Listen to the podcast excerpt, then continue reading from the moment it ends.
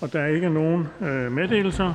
Og Det første det er spørgsmål om fremme af forespørgsel nummer F 4.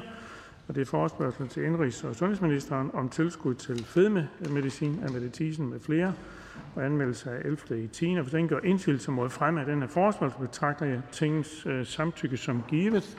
Og det er givet. Og så kan vi gå til næste punkt på dagsordenen. Det er første behandling af lovforslag nummer L 37. Og det er forslag til lov om supplerende bestemmelser til Europaparlamentets øh, og rådets øh, forordning om digitale markeder, og det er af erhvervsministeren. Og forhandlingen er nu åbent, og den første ordfører er Socialdemokraternes ordfører, og det er fru Fie Hækkerup. Værsgo.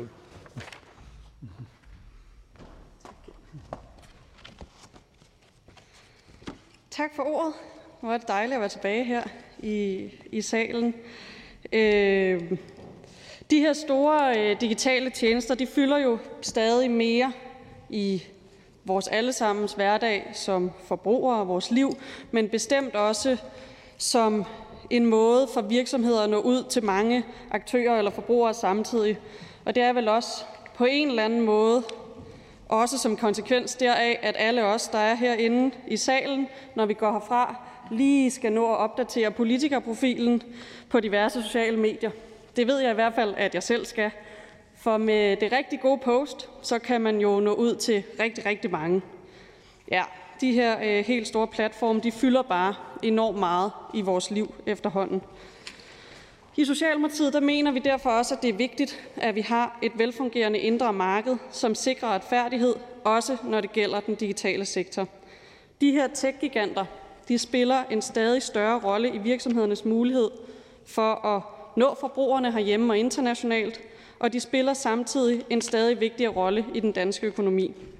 Samtidig så styrer tech-giganterne, som vi i lovforslaget her og generelt kalder gatekeeper, øh, hele hele platformsøkosystemer øh, med forskellige tjenester, som Meta, der har Facebook og Instagram, for at nævne et eksempel, og fordi at deres platformstjenester har fået så centrale roller i den digitale økonomi og med deres kæmpe store brugertal, så bliver det sværere at konkurrere med, og især for erhvervsbrugere eller for privatpersoner, øh, så er det bare noget nær umuligt at lægge pres på de her tech-giganter, hvis man oplever urimelige betingelser eller lignende. Derfor så er formålet med lovforslaget her at sikre, at Konkurrence- og Forbrugerstyrelsen kan hjælpe virksomheder og forbrugere, når de bruger de her såkaldte gatekeepers platformstjenester, som for eksempel Google, Amazon, Apple, Meta og Microsoft, for at nævne nogle af dem, vi nok alle sammen kender. Øh, lovforslaget det kommer i forlængelse af forordning om digitale markeder, altså DSA'en, som har til formål at fastsætte en række forpligtelser, som de udarbejdede gatekeepere skal overholde for at sikre, at de ikke udnytter deres markedsposition over for almindelige erhvervs- og privatforbrugere. På den måde så bliver det med det her lovforslag foreslået, at Konkurrence- og Forbrugerstyrelsen får beføjelser til på eget initiativ at kunne undersøge, om de her gatekeeper-virksomheder ikke overholder forordningens øh, artikel 5-7, som handler om blandt andet Øh, gatekeepers konkurrencebegrænsende adfærd. Derudover så fastslår lovforslaget også, at det er Konkurrence- og Forbrugerstyrelsen, som er den kompetente myndighed i Danmark til at kunne anmode kommissionen om at lave en markedsundersøgelse, for eksempel om en virksomhed skal kategoriseres som en gatekeeper-virksomhed, eller om der er nye typer adfærd, som eksisterende gatekeeper-virksomheder foretager sig, som, øh, som skal omfattes af forordningen. Socialdemokratiet mener, at øh, det her lovforslag er vigtigt, fordi vi med det styrker vores egne muligheder for at kunne håndtere øh, for at holde hånden under danske virksomheder og forbrugers interesser og rettigheder, samtidig med, at vi bidrager til at styrke kommissionens muligheder for at håndhæve DSA-forordningen. Derfor så støtter Socialdemokratiet forslaget. Mange tak for det. Der er ikke nogen korte bemærkninger. Vi siger tak til ordføreren, og vi går videre til Venstres ordfører, og det er fru Annie Mathisen. Tak for det, formand. Med den stigende digitalisering af vores samfund, så er det også afgørende, at vi som nation træder i karakter og sikrer en fair og bæredygtig konkurrence på det digitale marked. Venstre støtter derfor også helhjertet tiltagene, øh, der vil beskytte både små virksomheder mod unfair konkurrence og samtidig også sørge for, at forbrugerne er beskyttet mod de digitale gatekeepers. Som I alle ved, er den digitale verden i konstant udvikling. Små og nyopstartede virksomheder bringer innovation og diversitet ind i markedet, og det er afgørende, at de har en rimelig chance for at konkurrere og at vokse.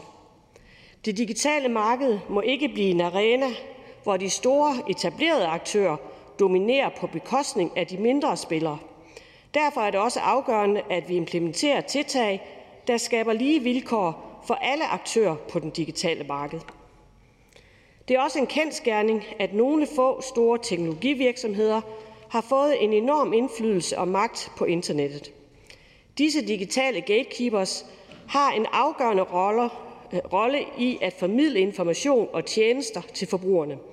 Derfor er det også vigtigt, at der er regler på plads for at sikre, at de udøver deres magt ansvarligt og ikke misbruger deres position til at forvride konkurrencen eller skader forbrugerne.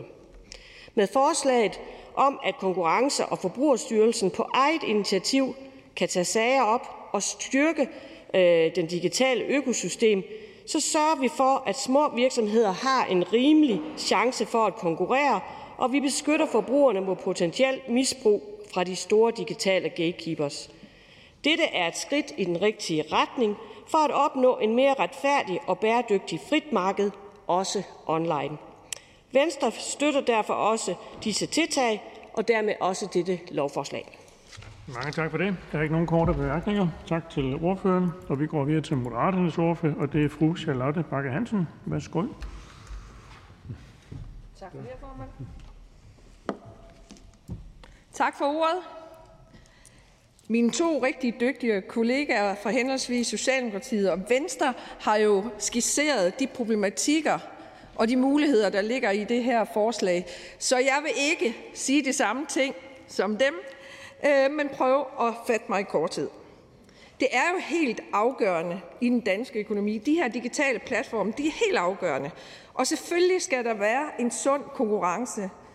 Vi har alle sammen brug for at have det digitale nær os. Vi bruger det jo alle sammen i hverdagen. Virksomhederne bruger det til at markedsføre sig, og derfor er det naturligvis også et marked, der kan blive usundt på en måde. Og det er jo, som min kollega siger, det er, at hvis der er nogen, der bliver for store, og de klemmer de små.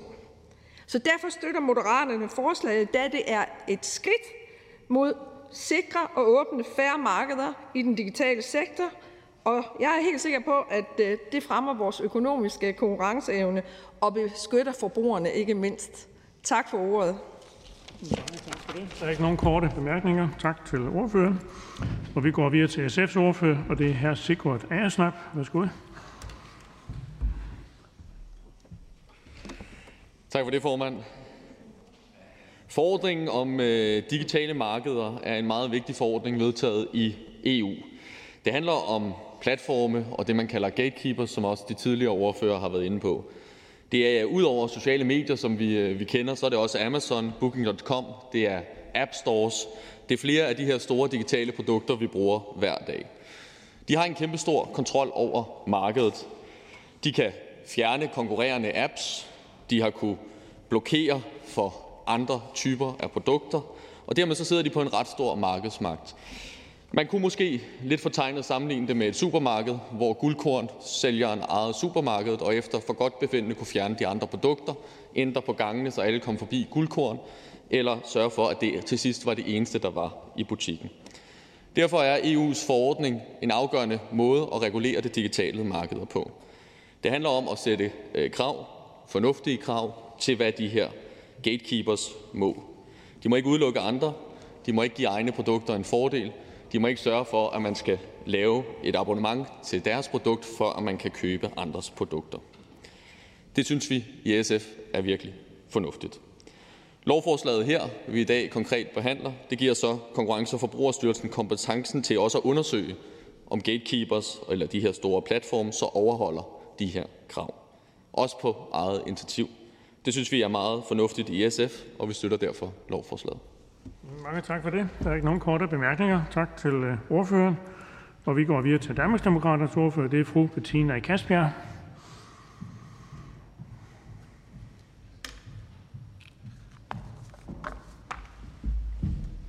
Tak for det. Ja, i dag der behandler vi jo så L 37, som vedrører vores øh, digitale verden.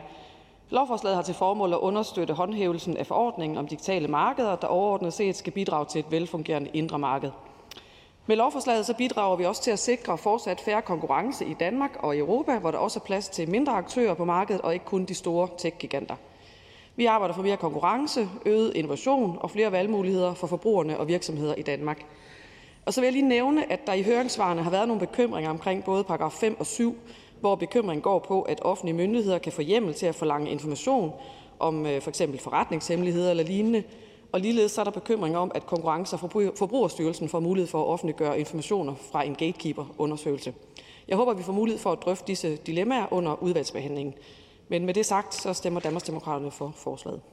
Mange tak for det. Der er ikke nogen korte bemærkninger. Tak til ordføreren. Og vi går videre til Liberal Alliances ordfører, og det er hr. Lars Christian Brask.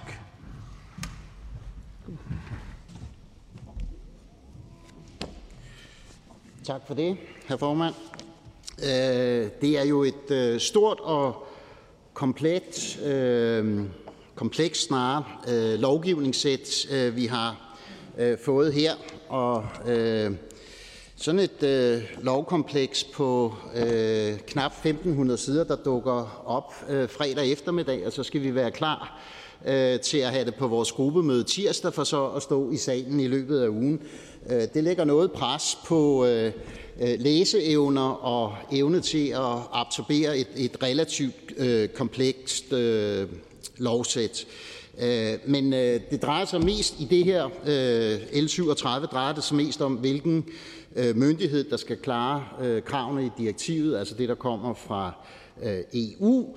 Øh, og øh, det, det er svært politisk at være uenig i, øh, i det, øh, så vi støtter det selvfølgelig. Øh, der er en øh, lille arbejderbrej, tror jeg godt, jeg må sige, øh, øh, fra talerstolen, selvom det ikke er dansk. Jeg tror, det er øh, godt nok indført i det danske sprog.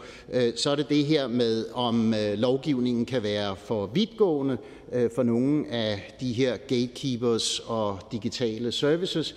Øh, men i bund og grund, øh, så støtter vi øh, forslaget. Det er fornuftigt, og øh, med det vil jeg overlade over til den næste. Ja, mange tak for det. Der er ikke nogen korte bemærkninger, så vi siger tak til ordføreren. Og vi går videre til Konservative Folkepartis ordfører, og det er fru Mona Jul.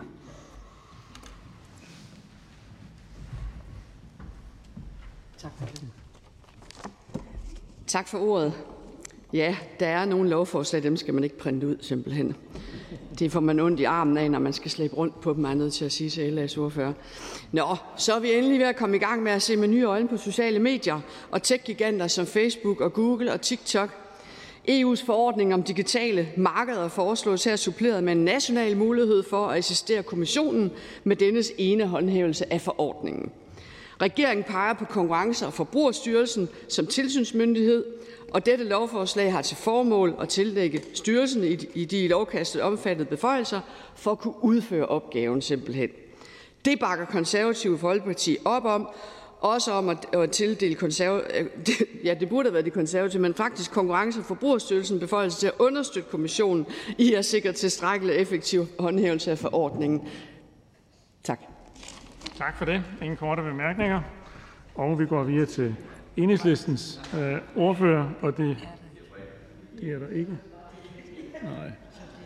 Jeg ser ikke nogen ordfører fra Enhedslisten, så vi går videre til Radikale Venstres ordfører, og det er fru Katrine Ropsø. Værsgo. Tak for det.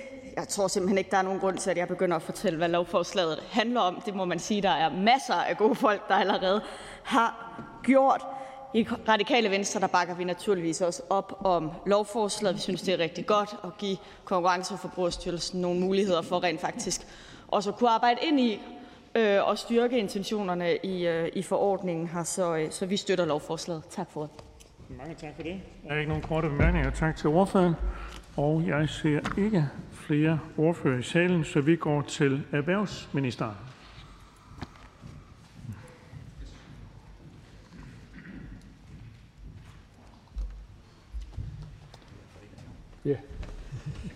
Tak for det, øh, formand, og tusind tak for den øh, jo altså totalt positiv øh, modtagelse. Det er et vigtigt forslag, som vi har med at gøre i dag, og derfor er jeg glad for, at øh, der er øh, den brede opbakning, som der er. For der er ingen tvivl om, at øh, tech-giganterne de er øh, en del af vores samfund, og øh, danske virksomheder og borgers hverdag er de også en helt central del af, og det er de jo på både godt og ondt. Nogle af dem de har endda så stor indflydelse, at de kan styre, hvad vi som forbrugere får lov til at se, øh, og ikke mindst, hvad vi ikke får lov til at se. Og de kan så at sige øh, bestemme over de, om man vil, digitale byporte, ligesom jo i byvagten i gamle dage kontrollerede, hvem der kunne få lov til at komme ind på markedet i middelalderlandsbyen, ja, så er det faktisk det, øh, de her også gør nu. De er blevet, som det også har været omtalt, gatekeeper, og det giver dem en enorm magt, øh, men det giver dem faktisk også et øh, meget stort øh, ansvar. Og det er derfor, at vi har behov for at tøjle tech mere. Fordi de er ikke demokratiske gatekeeper, om man vil. De har en enorm indflydelse på vores samfund, men det er ikke dem, der skal styre vores samfund. Det skal vi. Det er os her i Folketinget, som sætter rammerne om, hvad der sker her i Danmark, og har indflydelse på, hvad der sker i EU og længere uden for øh, vores grænser. Og det er et problem, når tech-giganterne har fået så stor indflydelse på vores samfund, uden at reguleringen så at sige er fulgt med øh, samtidig. Derfor så styrker vi mulighederne for at varetage danske virksomheder og borgers øh, rettigheder, når de benytter gatekeepernes øh, digitale platformstjenester. Øh, jeg vil prøve at fortælle lidt om, hvordan reglerne er i dag, og hvad en gatekeeper egentlig er i den forstand. Gatekeeperne det er de virksomheder, der i stort omfang og med stor frihed kan bestemme vilkårene for både virksomheder og, og os som brugers adgang til og brug af deres tjenester. De er udbydere, og de har en meget stærk øh, markedsposition, som er vanskelig for konkurrenter øh, at udfordre. Det er Europakommissionen, Øh, der identificerer øh, gatekeeperne, og i september der udpegede Europakommissionen seks virksomheder som gatekeepere. Det er virksomheder, øh, som vi, jeg vil tro langt de fleste af os kender, og som udbyder digitale platformstjenester, og som jeg vil tro også de fleste af os bruger. Det er tjenesten, der hedder Alphabet, som Google og YouTube ejer. Det er, eller den ejer Google og YouTube. Så er det Amazon, det er Apple, det er ByteDance, som Øh, blandt andet ejer øh, TikTok. Det er Meta, øh, der blandt andet ejer Facebook og Instagram. Instagram, og så er det Microsoft. Som reglerne de så er nu, ja, så skal virksomhederne altså overholde en række forpligtelser, som den her EU-forordning, som vi taler om her, fastsætter. Det skal sikre, at de her platforme de er åbne og også er udtryk for, om man vil, retfærdige digitale markeder. For eksempel så skal Google give danske virksomheder adgang til de data, som bliver genereret, når de bruger deres digitale platforme i deres øh, forretning. Et andet eksempel er, at Apple for eksempel ikke må forhindre danske virksomheder i at promovere tilbud og indgå kontrakter uden for deres digitale øh, platforme.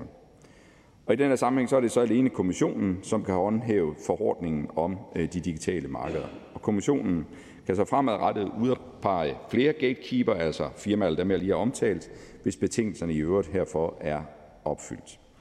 Men som det også er fremme, så mener vi i regeringen, at vi skal gå øh, endnu længere. Derfor så supplerer vi øh, lovforslaget øh, og forordningen, så vi får endnu bedre øh, redskaber, hvis tech-giganterne udnytter deres dominerende position over for danske virksomheder og brugere. Lovforslaget giver helt konkret Konkurrence- og Forbrugerstyrelsen hjemmel til på eget initiativ at foretage undersøgelser af gatekeepernes øh, overhold og forhold til de forpligtelser, de er underlagt. Den slags undersøgelser de kan så sættes i gang på grund af en klage fra eksempelvis en borger, en bruger, og styrelsen kan også af sig selv i gang sætte en undersøgelse. Konkurrence- og Forbrugerstyrelsen kan så, som det også har været fremme, kræve oplysninger fra virksomheder, hvis de skønner, det er nødvendigt for at færdiggøre den her, eller komme til bunds med undersøgelsen. Alle anmodninger om oplysninger, det er klart, det er måske også svar til Danmarksdemokraterne, de skal selvfølgelig være rimelige i forhold til det formål, øh, der er med øh, undersøgelsen. Det er et helt basalt princip, som myndigheder er underlagt, og som man selvfølgelig øh, skal overholde. Resultatet af en undersøgelse kan så efter det er godkendt af Konkurrencerådet oversendes til Europakommissionen, hvor det så kan indgå i kommissionens konkrete håndhævelse af forordningen over for gatekeeperne. Der er ingen tvivl om, at de tech-giganter, som øh, vi har med at gøre i dag, og der kommer temmelig sikkert flere til, og det udvikler sig jo med lynets hast, øh, det her område, de har en enorm magt, øh, men de har også et kæmpe ansvar, øh, og det er meget vigtigt, at vi her fra Folketinget også er vores magt og vores ansvar bevidst i den her sammenhæng. De er, og de påvirker os meget, øh, og det vil de også komme til i fremtiden på det, vi kalder det digitale marked. Det ansvar det skal vi tydeliggøre, og det skal vi regulere, og det er det ansvar, øh, vi har. Det skal selvfølgelig ske på en fair måde, en måde, der beskytter blandt andet danske virksomheder mod øh, urimelige vilkår øh, fra tech-giganterne. Derfor så er det vigtigt, at vi sikrer, at de myndigheder, vi har, altså de danske myndigheder, de har de bedste forudsætninger for at bidrage til at løse de problemer, som tech-giganterne er for eksempelvis små og mellemstore virksomheder, som det har været fremme for os som forbrugere, de her spørgsmål er relevante i dag, og jeg kan med søvngængeragtig garanti sige, at de bliver ikke endnu mere relevante øh, også i fremtiden. Derfor så er det her lovforslag vigtigt her nu, men også i forhold til fremtidig regulering, og derfor er jeg som sagt glad for den meget brede opbakning til forslaget, og jeg ser frem til øh, den videre behandling af forslaget i øh, vores fælles erhvervsudvalg. Tak for ordet.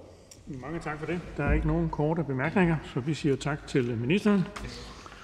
Og øh, da der ikke er flere, som har bedt om ordet, så er forhandlingen sluttet på denne sag, og jeg foreslår, at lovforslaget henvises til øh, Erhvervsudvalget. Hvis ingen indsigelse, betragter jeg dette som vedtaget, og det er vedtaget. Så kommer vi videre til næste punkt på dagsordenen, og det er første behandling af lovforslag nummer L 38, og det er fortsat til lov om ændring af lov om realkreditlån og realkreditobligationer, lov om finansiel virksomhed og forskellige andre love. Og det er også af erhvervsministeren, og forhandlingen er nu åbent, og den første ordfører er Socialdemokratiets ordfører, og det er fru Lea Wermelin. Værsgo.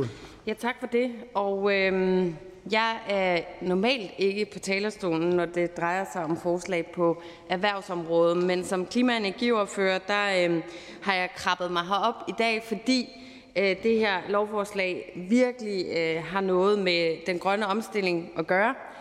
Hvis vi skal lykkes med det, som er afgørende vigtigt i klimakampen, nemlig tempo, tempo, tempo på blandt andet udbygning af den vedvarende energi, ja, så er det også et stort øh, byggeprojekt ude på havet. Vi skal have masser af havvind op, både af hensyn til Danmark, men jo også i forhold til vores øh, europæiske nabolande.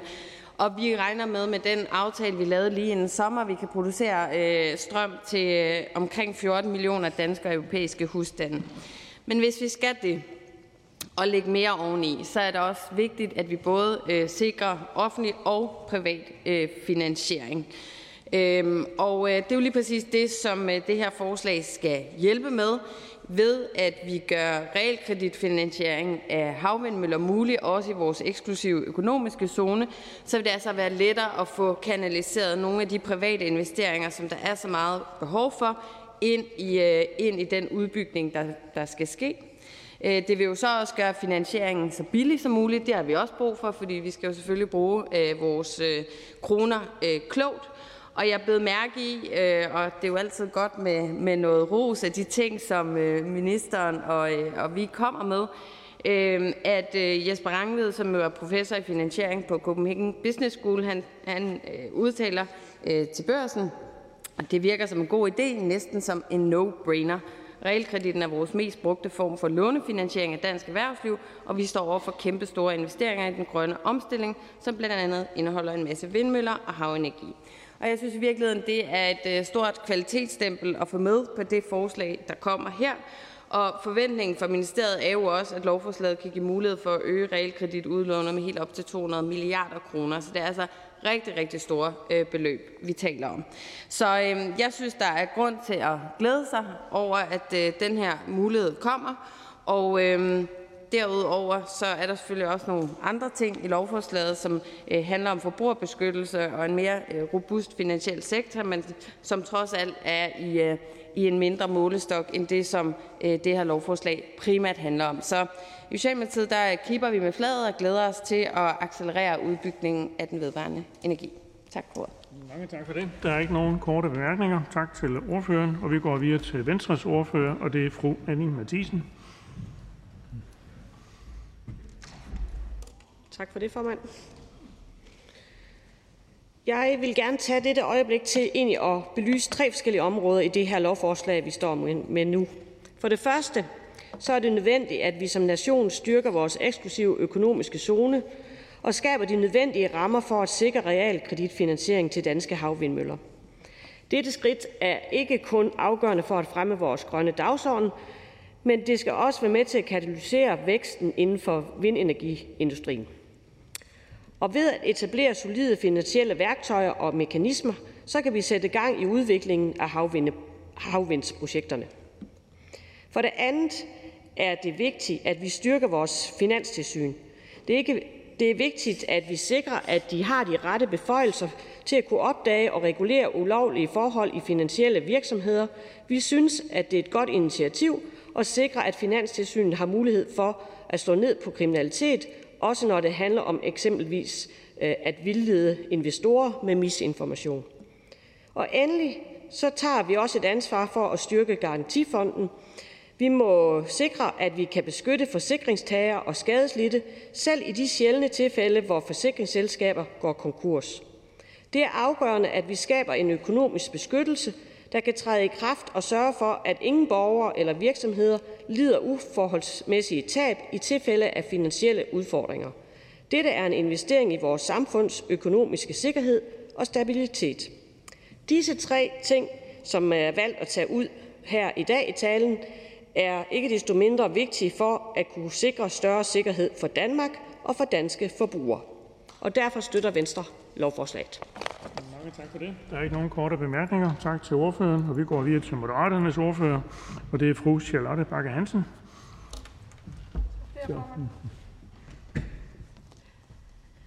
Først så vil jeg sige uh, tak til min politiske kollega fra Socialdemokratiet for at ligesom og fortælle lidt om, hvor vigtig den her omstilling er for Danmark, øh, så vi kan blive selvforsynende med grøn energi, og ikke mindst komme ud på et erhvervseventyr, som vi også kan brede ud øh, til udlandet med vores kompetencer.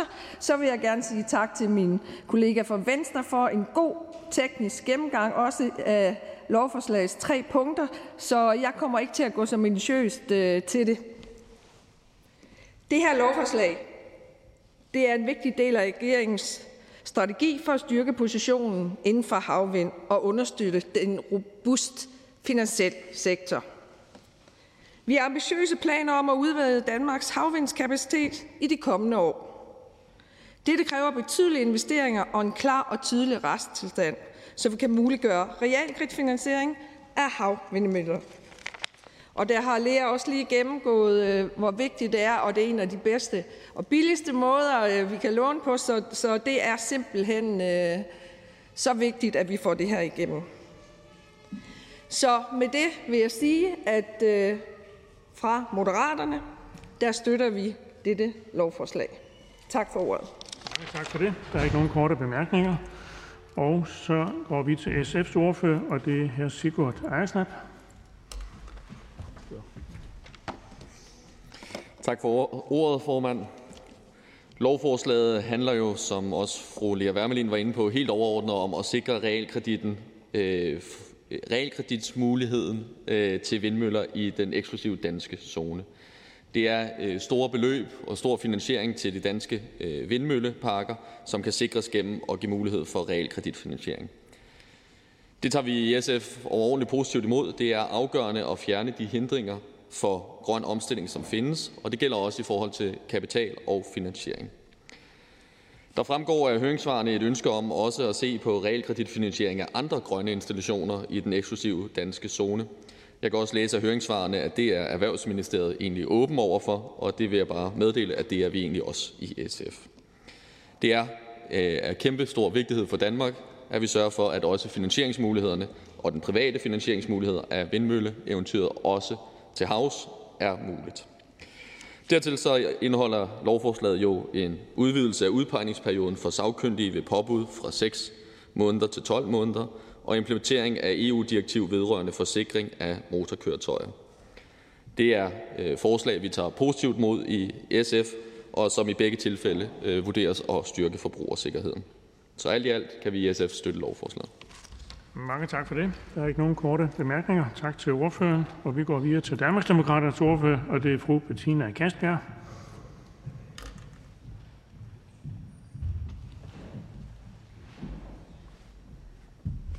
Tak for det. Ja, som sagt så behandler vi L 38 i dag, som igen er et øh, samlelovsforslag med ændringer i en række lov. Der er i alt 17 ændringer, og det kan nogle gange godt være lidt problematisk, når man samler så mange ændringer i et lovforslag. Det kan være lidt uoverskueligt for de høringsberettigede. Men lovforslaget har blandt andet til formål at gøre det muligt for realkreditinstitutter at yde realkreditfinansiering til havvindmøller i Danmarks eksklusive økonomiske zone, og det finder vi i Danmarksdemokraterne positivt. Derudover så gennemfører lovforslaget nogle ændringer i den finansielle lovgivning, som skal bidrage til forbruger- og investorbeskyttelsen samt styrke og målrette tilsynet på det finansielle område, som også de tidligere ordfører har redegjort for. Så jeg vil blot øh, sige, at Danmarksdemokraterne støtter forslaget. Mange tak for det. Der er ikke nogen korte bemærkninger. Tak til ordføreren. Og vi går videre til Liberal Alliances ordfører, og det er her Lars Christian Brask. Tak for ordet. Øh, meget er sagt, øh, så jeg vil gøre det kort. Øh, og det kunne jeg jo gøre ved at sige, at øh, vi støtter lovforslaget. Øh, men jeg synes også, det fortjener øh, lidt ros og en medfølgende kommentar Øh, denne her positive og nyskabende måde at udnytte dansk realkreditfinansiering på. Øh, det er øh, faktisk ret banebrydende og spændende, så, så hatten af for det. Der er som sagt meget lovtekst, og der er både Finanstilsynet og Garantifond og andre ting, men alt i alt et, et lovforslag, som vi støtter. Mange tak for det. Der er ikke nogen korte bemærkninger. Og vi går videre til Konservative Folkepartis ordfører, og det er fru Mona Juhl.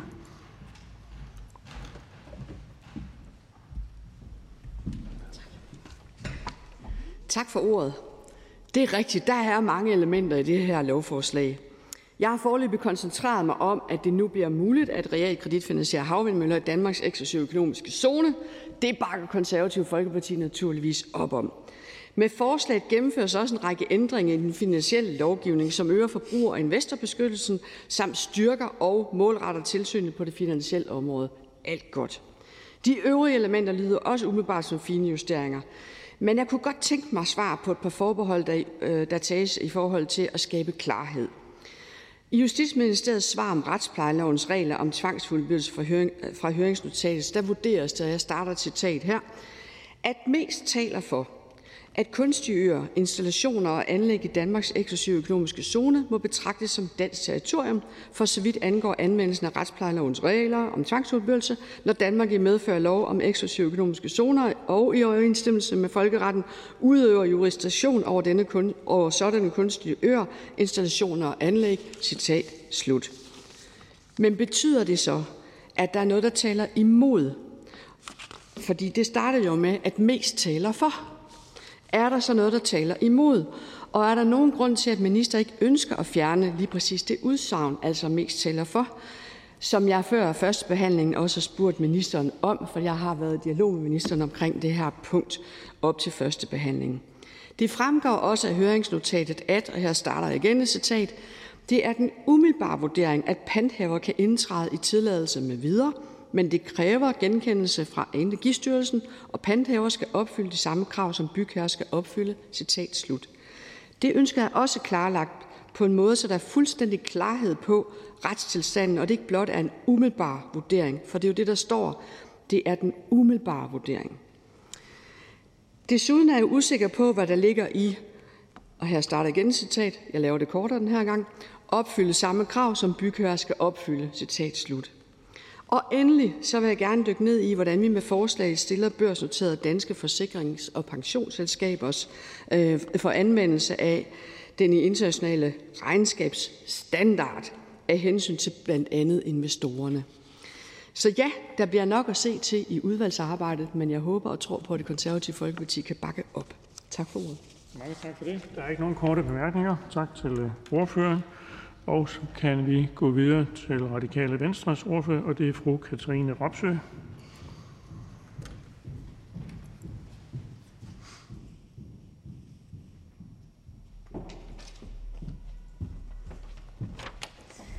Tak for det, her formand. Øhm, jeg vil faktisk godt starte med at følge op på fru Lea Wermelins. Der er en god grund til at glæde sig, det mener vi også i Radikale Venstre, med det her lovforslag, og sikre, at dansk realkreditfinansiering rent faktisk også kan bruges i forhold til at få udbygget havvind i den eksklusive danske zone. Det synes vi kun er positivt. Vi har brug for, der er fuld fart på. Vi har brug for, at alle kræfter sættes ind i den grønne omstilling. Vi har brug for, at Danmark er med helt i front, og der har vi også brug for, at vi understøtter den private finansieringsmulighed her. Og så synes jeg også, der er noget meget, meget fint i, at det ser ud til, at vi er et rimelig samlet folketing omkring de her ting. Øh, vi har tidligere her i Folketinget, særligt i sidste periode, stået meget samlet partierne på tværs i forhold til at beskytte den danske realkredit. Og hvis vi rent faktisk kunne få lov til nu at udvide brugen af den danske realkredit til noget af det, som vi har allermest brug for, så synes jeg, at der er noget meget smukt i det. Jeg har ikke yderligere kommentarer, men vil bare sige, at Radikale støtter lovforslaget. Mange tak for det. Og der er ikke nogen korte bemærkninger. Tak til ordføreren. Og så kan vi gå videre til erhvervsministeren.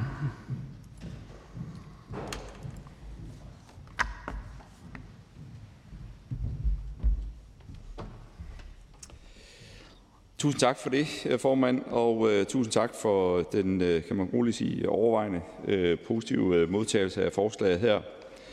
Uh, det er et vigtigt forslag, som uh, flere også allerede har været inde på. Jeg vil prøve at gå lidt i uh, dybden med det, så, så vi er uh, så oplyste som overhovedet muligt om det her forslag. For den uh, finansielle uh, lovgivning og regulering, den skal selvfølgelig sikre ordentlige forhold. Det skal den både for forbrugerne, og det skal den også på, for, over for aktørerne, som er uh, på markedet, så at sige. Og samtidig så skal den så også understøtte øh, finansielle virksomheder i deres rolle i øh, den grønne omstilling, og det har flere også været inde på her, er øh, helt centralt. Det skal blandt andet ske ved at bidrage til finansieringen af vedvarende energikilder, og det hjælper lovforslaget her til. Det understøtter en robust finansiel sektor og en effektiv forbrugerbeskyttelse, og det gør det samtidig lettere for sektoren at bidrage til den grønne omstilling. Lad os prøve at starte med den grønne del, om man vil, først. I det her lovforslag ja, der handler det om at skabe klare lovgivningsmæssige rammer for realkreditfinansieringen af havvindmøller i Danmarks eksklusive økonomiske zone, eller det, der hedder EØZ-zonen. Der er ikke nogen tvivl om, at øh, den grønne omstilling øh, kommer til at kræve massive investeringer. Øh, det gør det både for det offentlige, og det gør det også fra det private. Og derfor så er det afgørende, at lovgivningen den er klar og den er entydig, at det for eksempel er tydeligt, øh, om at havvindmøller i den her EØZ-zone kan realkreditbelånes. Øh, det er som sagt det, som lovforslaget øh, giver mulighed for. Og at vi i det hele taget har fokus på, at opførelsen af nye energianlæg kommer til at kræve store investeringer også fra øh, private aktører. Det er det, det her forslag øh, er med til at gøre. Forslaget er nemlig en del af en hel række forslag, som skal være med til at understøtte udbygningen af havvind. Det er forslag, som der står brede flertal i Folketinget bag, øh, og det er godt, fordi det som sagt er enorme investeringer, øh, vi står overfor. Det indebærer blandt andet, at øh, vi selvfølgelig skal være med til at sikre de bedste finansieringsmuligheder, for eksempel ved som sagt at gøre realkreditbelåningen af havvindmøller i EØZ-zonen, altså uden for 12 sømile grænsen, til en mulighed. Udover understøttelsen af det grønne ja, så indeholder øh, forslaget også justeringer og præciseringer, som styrker retssikkerheden og gennemsigtigheden på det finansielle område. For eksempel ja, så er det forslaget, at de mildeste tilfælde af markedsmanipulation ja, de skal kunne afgøres ved en bødestraf i stedet for ved fængsel. Det kan være, hvis gerningspersonen ikke har haft til hensigt at manipulere markedet, som det er nævnt i forslaget.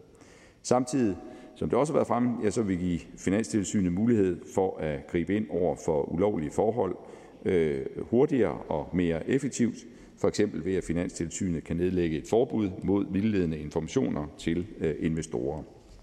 Endelig ja, så gennemfører lovforslaget også motorkøretøjsforsikringsdirektivet, Øh, det sikrer, at forsikringstagerne og skadeslidte i Danmark får samme økonomisk beskyttelse som hidtil, når et øh, forsikringsselskab bliver erklæret konkurs eller øh, træder i likvidation. Med de her ord så ser jeg frem til den videre behandling af forslaget. Der var et par spørgsmål fra de konservative omkring særligt spørgsmålet, som så er der blev henvist til reglerne om tvangsfuldbyrdelse, herunder reglerne om udlæg og tvangs Øh, auktion og reglerne om øh, brugelig pant. Det er vigtigt at øh, understrege her, at lovforslaget påvirker ikke anvendelsesområdet for de her regler. Det kan vi uddybe og understrege i, i hvad hedder det, udvalgsbehandlingen. Og, men bare for at sige, at det påvirker ikke anvendelsesområdet for de her. Så der er klarhed over de her forhold. Så, men vi udbygger gerne i udvalgsbehandlingen. Det var det. Ja, mange tak for det. Og der er ikke nogen korte bemærkninger. Vi siger tak til øh, ministeren. Og der er ikke flere, som har bedt om ordet, er forhandlingen sluttet. Jeg foreslår, at lovforslaget henvises til Erhvervsudvalget, og hvis ingen gør indsigelse, betragter jeg dette som vedtaget. Og det er vedtaget. Og så går vi videre til det næste punkt på dagsordenen, det er første behandling af lovforslag nummer L 39, og det er fortsat til lov om øh, kreditservicevirksomheder og kreditkøbere, det er også af øh, erhvervsministeren, og forhandlingen er nu åbent, og den første ordfører er fra Socialdemokratiet, og det er fru Fie Hækkerup. Værsgo. Tak for det.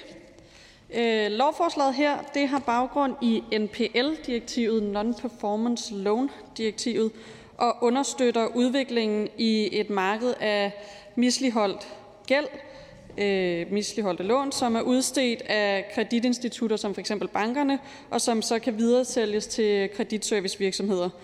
Det gør, at øh, kreditservicevirksomheder, som har en høj ekspertise i at varetage inddrivelse af misligholdt gæld, kan afhjælpe bankers potentielle pukler af misligholdt gæld og på den måde faktisk frigive kapital, som bankerne så kan bruge til nye udlån.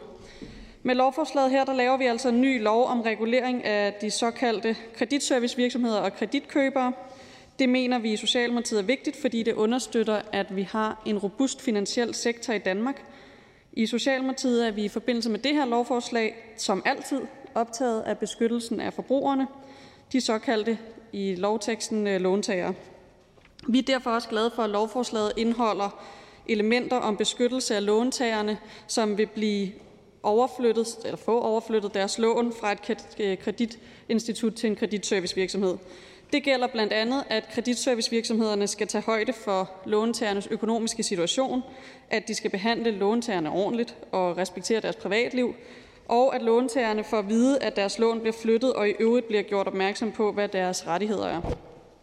Ligesom at der stilles krav om, at ledelsesmedlemmerne i kreditservicevirksomhedernes såkaldte egnethed og hederlighed, øh, som vi kalder det, og der stilles krav om øh, whistleblower-ordningen for øh, kreditservicevirksomhederne. Endelig så kan det også nævnes, at øh, der stilles krav til, at de her øh, kreditservicevirksomheder skal have tilladelse af Finanstilsynet for at sikre, at virksomhederne også reelt har den høje ekspertise. Samtidig så vil det også være Finanstilsynet, som vil føre kontrol med virksomhederne. Endelig så kan jeg sige, at Socialdemokratiet støtter forslaget. Tak. Mange tak for det. Der er ikke nogen korte bemærkninger. Tak til ordføreren. Og vi går videre til Venstres ordfører, og det er fru Annie Mathisen. Tak for det, formand. Dette lovforslag vedrører håndteringen af misligholdte lån udstedt af kreditinstitutter. Formålet med lovforslaget er at fremme udviklingen af et marked for salg af misligholdte lån.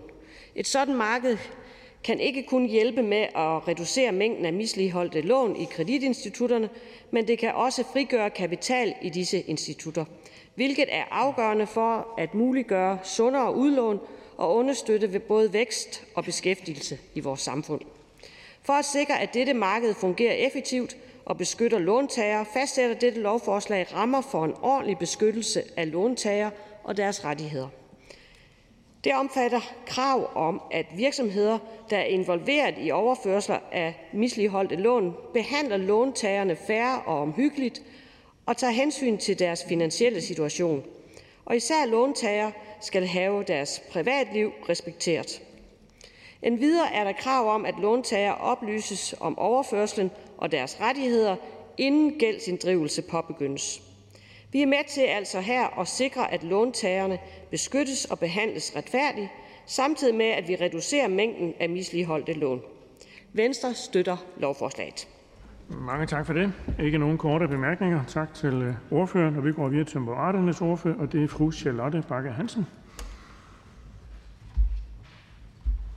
Tak for det. Tak for ordet.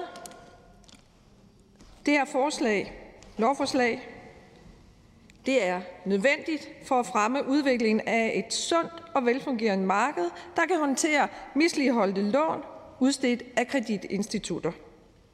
På den måde kan vi nemlig forhindre, at der sker en ophobning af misligholdte lån hos kreditinstitutterne.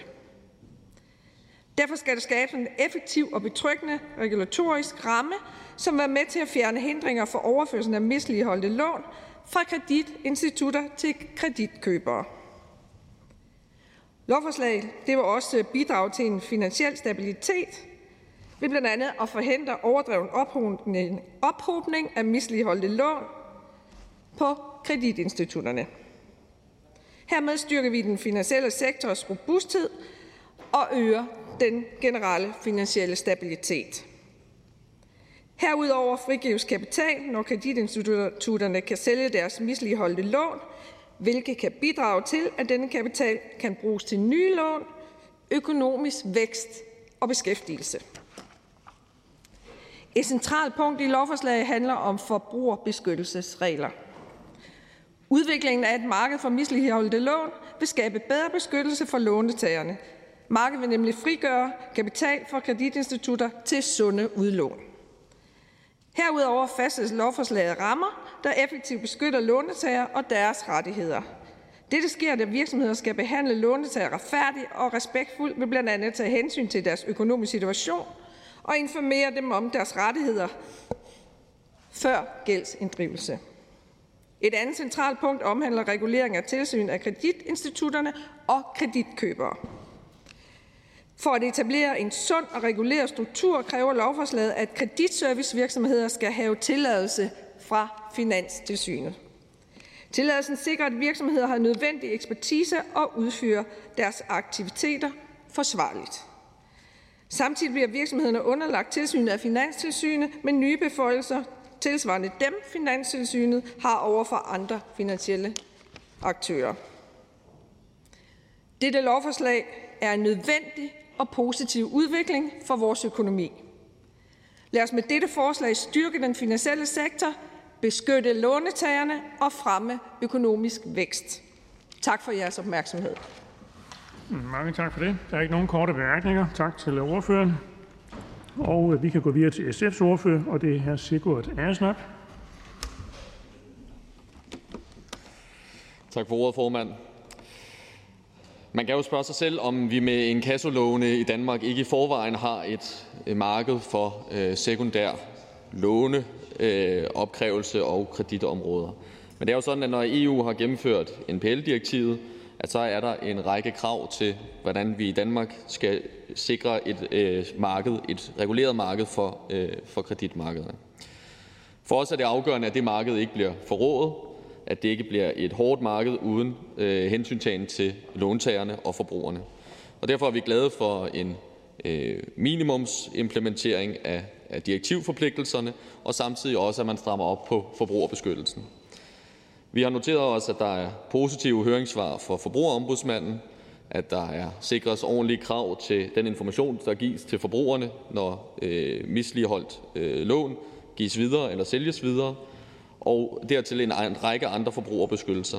Det er, synes vi er afgørende, og øh, det vil vi følge øh, videre op på i udvalgsbehandlingen af lovforslaget. Vi tager dog grundlæggende positivt imod øh, regeringens implementering af NPL-direktivet og dermed også det her lovforslag. Mange tak for det. Der er ikke nogen korte bemærkninger. Tak til ordføreren, og vi går videre til Danmarksdemokraternes ordfører, og det er fru Bettina Kastbjerg. Tak for det. L 39, som vi behandler, øh, skal med til at styrke vores finansielle sektor. Lovforslaget gennemfører et EU-direktiv og rådets direktiv om kreditservicevirksomheder og kreditkøbere. Formålet er at fastlægge fælles europæiske regler samt fremme udvikling af et sekundært marked for misligeholdte lån udstedt af kreditinstitutter. Ved at lette overførselen af misligeholdte lån fra kreditinstitutter til kreditkøbere, så kan vi sikre, at inddrivelse sker i en kreditvirksomhed, der også har ekspertise til at håndtere kreditaftalen. Aftalen den skal samtidig beskytte låntagerne og deres rettigheder, så aktørerne øh, skal behandle låntagerne redeligt og respektere deres privatliv. Danmarksdemokraterne de støtter forslaget. Mange tak for det. Ikke nogen korte bemærkninger. Tak til ordføreren. Og vi kan gå videre til Liberal Alliances ordfører, og det er hr. Lars Christian Brask. Tak for ordet, formand. Øh, L 39 øh, er jo en øh, konsekvens af EU-retten øh, og et behov for et øh, nyt regelsæt. Øh, så det er jo svært at sige så meget øh, om det. Det er rammende, som det skal være. Så i Liberal Alliance støtter vi lovforslaget. Mange tak for det. Og der er ikke nogen korte bemærkninger. Og vi går videre til Konservative Folkepartis ordfører, og det er fru Mona Juhl.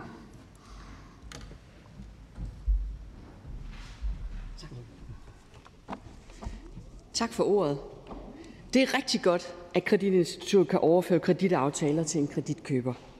For en kreditservicevirksomhed har mange gange bedre forudsætning for at håndtere og forvalte kreditaftalen. Som jeg forstår det her forslag, så er formålet også at fremme lige præcis den udvikling. Altså at fremme, at misligeholdte lån, der er udstillet kreditinstitutter, kan varetages af kreditservicevirksomheder.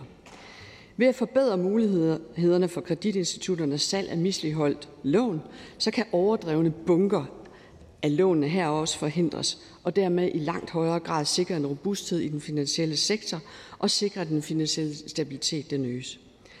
Blandt andet jo fordi mange, misligeholdt, mange mindre misligeholdt gæld hos kreditinstitutterne vil frigive kapital, der så kan bruges til at fremme långivning af nye aktiviteter.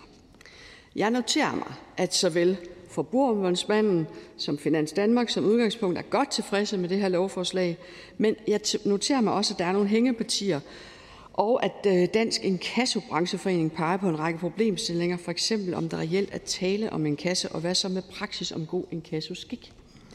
Det gør mig en lille bitte smule tvivl om lovforslaget rammer den rigtige balance, og jeg vil faktisk foreslå udvalget, at vi får en teknisk gennemgang i Erhvervsudvalget, og så er jeg sikker på, at vi derefter kan støtte forslaget fra Konservative Folkeparti også. Mange tak for det. Der er ikke nogen korte bemærkninger. Tak til ordføreren, og vi går videre til Radikale Venstres ordfører, og det er fru Katrine Ropsø.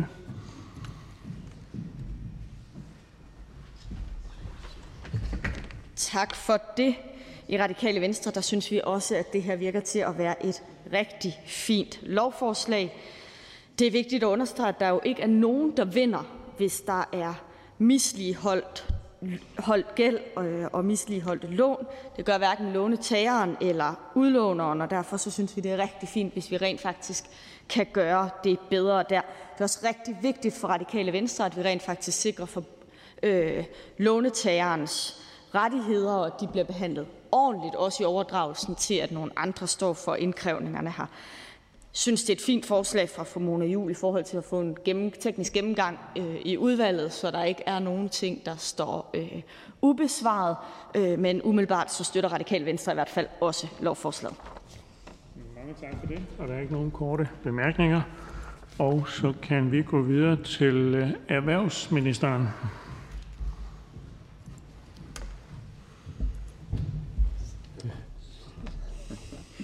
Yes, tusind tak for det, øh, formand, og tak for de meget positive øh, meldinger på øh, lovforslaget. Lovforslaget, vi behandler nu, har jo til formål at fremme udviklingen af et marked for håndtering af misligholdte lån, som det har været fremme også. Og det er så lån, der er udstedt, udstedt undskyld, af kreditinstitutter. Det sker ved at indføre en ny regulering af såkaldte kreditservicevirksomheder og også af kreditkøbere. Øh, det vil vi gerne, øh, fordi øh, det kan være med til at forhindre ophobningen af misligholdte lån hos øh, kreditinstitutterne, og fordi, som det også har været fremme, at det kan frigøre kapital i institutterne til nye udlånsaktiviteter. Dermed så understøtter lovforslaget jo vækst og beskæftigelse i vores samfund som sådan, og det understøtter så også en robust finansiel sektor og øger så dermed også den finansielle stabilitet. Lad mig prøve at fremhæve øh, de centrale punkter i lovforslaget. For det første så er det jo også øh, rigtigt, som det har været fremme, at vi øh, forstærker forbrugerbeskyttelsesreglerne. For et godt marked det kræver en god regulatorisk ramme, der understøtter en ordentlig beskyttelse af låntagerne i forbindelse med overførelsen af misligeholdte lån. Derfor så fastsætter lovforslaget rammer, som giver en effektiv beskyttelse af låntagerne og også af deres rettigheder. Der stilles blandt andet krav om, at virksomhederne behandler låntagerne på en fair og omhyggelig måde og for eksempel tager hensyn til deres finansielle situation. Virksomhederne skal også altid øh, handle i god tro, det vil sige behandle låntagerne redeligt og også respektere deres øh, privatliv. Derudover ja, så er der krav om, at virksomhederne forud for en øh, første gældsinddrivelse oplyser låntagerne øh, om blandt andet den overførsel, der har fundet sted, og også i den sammenhæng omkring låntagernes rettigheder. For at sikre et øh, godt og gennemsigtigt rammeværk, om man vil, ja, så stilles der med lovforslaget også krav om, at realkreditservicevirksomhederne skal have tilladelse af Finanstilsynet. Tilladelsen den skal så være med til at fremme, at virksomhederne har den nødvendige ekspertise, og at øh, de rent faktisk kan udvise og øh, udføre de her aktiviteter Øh, forsvarligt.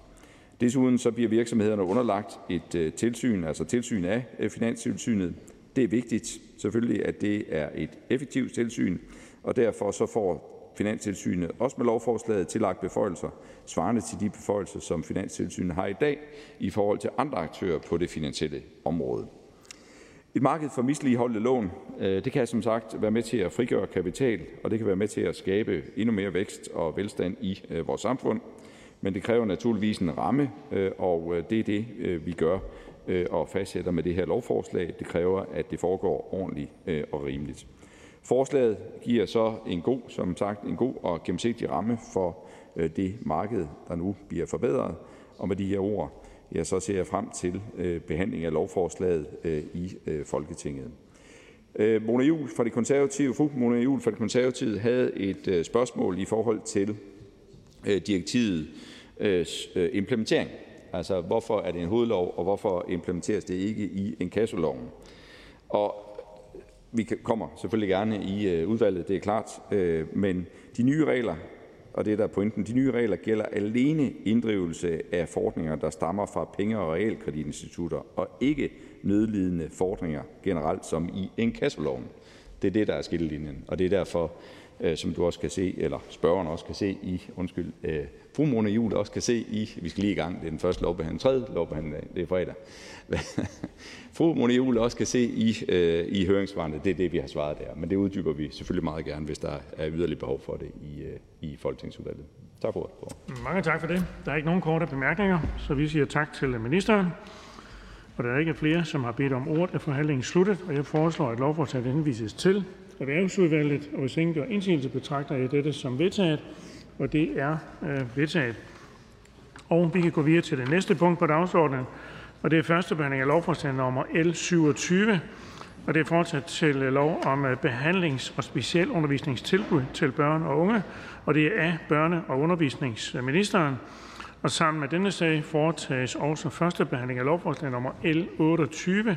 og Det er fortsat til lov om ændring af lov om øh, folkeskolen, barnets lov, lov om socialtilsyn og forskellige andre love, og det er også af øh, børne- og undervisningsministeren. Og forhandlingen er nu åbent,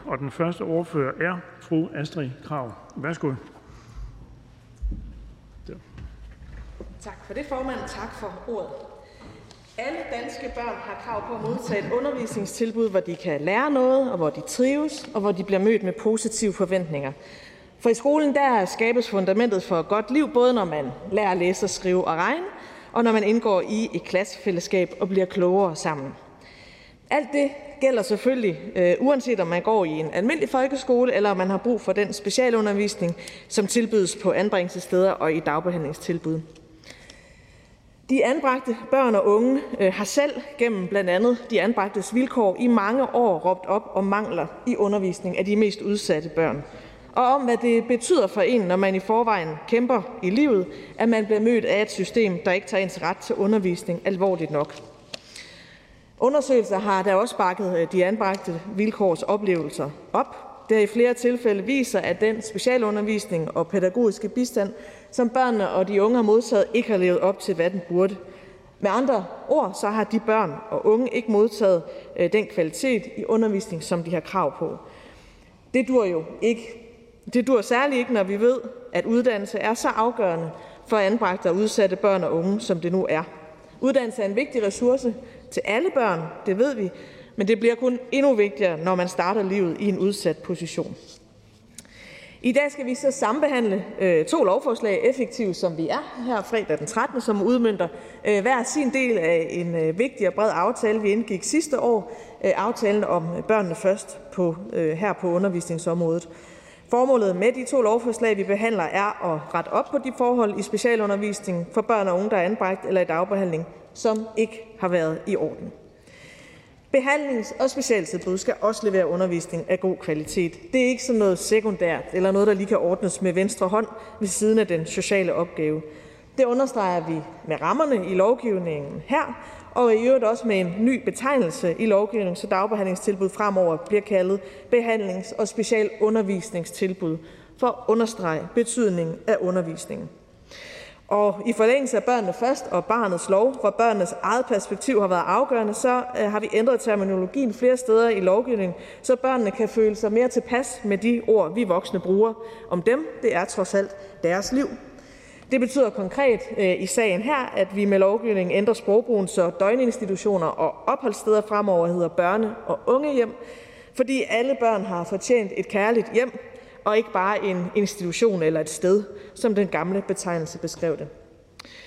Vi pålægger behandling og specialundervisningstilbud at indgå kvalitetsaftaler med kommunen, så det fremover bliver kommunalbestyrelsens ansvar, at tilbuddet har den nødvendige ekspertise og viden til at levere en undervisning øh, øh, med høj kvalitet til børn og unge med særlige behov. Specialundervisning vil fortsat omfatte undervisning i folkeskolens fag og fagområder, men kan i højere grad tilrettelægges med hensyn til elevens Øh, forudsætninger for læring med sigte på at afhjælpe eller begrænse de vanskeligheder, der måtte være, hvad end de er fysiske, psykiske eller sproglige. Med forslagene, øh, så lovforslagene her styrker øh, vi også både staten og kommunernes tilsyn med specialundervisning og anden socialpædagogisk bistand. Det har desværre også vist sig at være noget, der er god grund til, så godt at vi gør det. Endelig så sikrer vi øh, med lovforslaget, at reglerne omkring skærpet underretningspligt for fagpersoner fremover kommer til også at gælde fuldt ud på de frie grundskoler, øh, på efterskoler og frie fagskoler. Vi skylder børn, at de har øh, den samme beskyttelse alle steder. Jeg håber rigtig, rigtig meget, at lovforslagene her, at vi kommer i mål med det, der er vores ønske og vores intention, nemlig at sikre en bedre undervisning for nogle af de børn og unge, som har fået den allersværeste start på livet. Det har de krav på. Uddannelse er noget af det helt afgørende, når vi skal understøtte, at alle børn, og især dem, der har haft det sværest, får øh, de bedste forudsætninger for et godt liv. Det skal vi kunne levere på som samfund, ikke bare i vores folkeskole, øh, men også når børn modtager undervisning øh, andre steder. Vi bakker altså varmt op om lovforslagene her fra Socialdemokratiets side. Mange tak for det. Der er ikke nogen korte bemærkninger. Tak til ordføreren. Og vi går videre til Venstres ordfører, og det er fru Annie Mathisen. Tak for det. Som den tidligere ordfører sagde, så øh, behandler vi jo nu to lovforslag, og de skal begge være med til at styrke undervisningen for anbragte og udsatte børn og unge. Lovforslagene her øh, står faktisk på skuldrene af en meget bred politisk aftale, som blev indgået tilbage i 2022, og hvor vi netop blev enige om at sikre øh, kvaliteten i undervisningen for denne her gruppe af børn og unge. På samme måde som øh, at der er store krav til kvaliteten af undervisningen i folkeskolen, så skal vi også sikre det samme for anbragte børn og unge. De skal have de bedste forudsætninger, også selvom så de ikke kan gå på en almindelig folkeskole, men på en specialskole eller i en specialklasse. Vi skal sikre, at de undervisningstilbud, vi kan tilbyde, også understøtter videre skolegang. Gode tilbud, der kan hjælpe med at bære unge ud af deres udsathed så de på lige fod med andre unge også kan komme til at gennemføre en ungdomsuddannelse. De sproglige justeringer, der lægges op til i lovforslaget, er med til også at understøtte det formål, at det er for de unges bedste, at vi skal sikre en god undervisning. Dagbehandlingstilbud ændres her i lovforslagene til øh, behandlings- og specialundervisningstilbud for at gøre det helt klart, at tilbuddet har to formål hvor vi altså skal gøre, øh, øge kvaliteten af undervisningen. Anbringelsesstedet ændres til børne- og ungehjem, for ja, som der også blev sagt i sidste ordførertale, så er netop det med at kalde det nu for et hjem utrolig vigtigt. Centralt i de her to lovforslag er også kommunens rolle. Beliggenhedskommunen skal være med til at kvalitetssikre tilbuddene, og de skal være med til at indgå kvalitetsaftaler med institutionerne, på samme måde som kommunerne også fører tilsyn med kvaliteten jo i kommunens folkeskoler. Med lovforslagene her tager vi et rigtig vigtigt skridt for at forbedre og kvalitetssikre undervisningen for udsatte børn og unge. Så Venstre støtter naturligvis lovforslaget. Mange tak for det. Der er ikke nogen korte bemærkninger. Tak til ordføreren. Og vi går videre til Moderaternes ordfører, og det er hr. Rasmus Lund Nielsen. I onsdags præsenterede regeringen et øh, nyt udspil, der skal styrke kvaliteten i vores folkeskole. Overliggeren for det udspil er, at alle børn fortjener en god skolegang, der kan styrke deres videre færd i livet. Den overligger skal også gælde for børn, der er anbragte og sårbare på forskellige måder. Så også de får en god skolegang. Undervisningen på anbringelsessteder og i dagbehandlingstilbud har været øh, øh, kritiseret. Øh, de her såkaldte interne skoler er blevet kritiseret blandt andet af ombudsmanden. Øh, og de her interne skoler det er jo skoletilbud, der skal sikre, at også anbragte og sårbare udsatte børn får den fornødne undervisning af en høj kvalitet. Og de her interne skoler har altså ikke vist sig at leve op til kravene. Det er blevet påpeget som nævnt af ombudsmanden, at øh, kvaliteten har været mangelfuld og utilstrækkelig, og øh, det er jo kritisabelt og uacceptabelt, da anbragte børn er nogle af samfundets mest sårbare, og vi skylder dem at give redskaber, som de har brug for, og for at kunne bryde de udfordringer, som de jo uforskyldt er havnet i, så også de har gode øh, livsmuligheder. Det er vores ansvar som beslutningstager at sikre, at rammerne er til stede, for at de her børn de øh, også kan få en uddannelse af høj kvalitet, som kan bane vejen for en bedre fremtid for dem. Og derfor er jeg glad for, at vi i dag første førstebehandler L 27 og L 28, der skal styrke undervisningen for anbragte og udsatte børn og unge.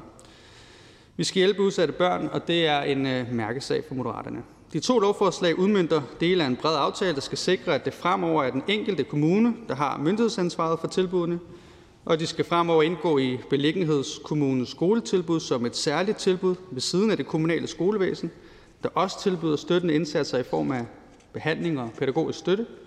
Og med lovforslaget så udskifter vi desuden betegnelsen anbringelsessted til børn og unge hjem. Og ligesom vi fremover vil kalde de her dagbehandlingstilbud for behandlings- og specialundervisningstilbud, så har det altså noget at sige, hvilke ord vi bruger. Og hjem er altså noget, der øh, har nogle bedre associationer end anbringelsessted.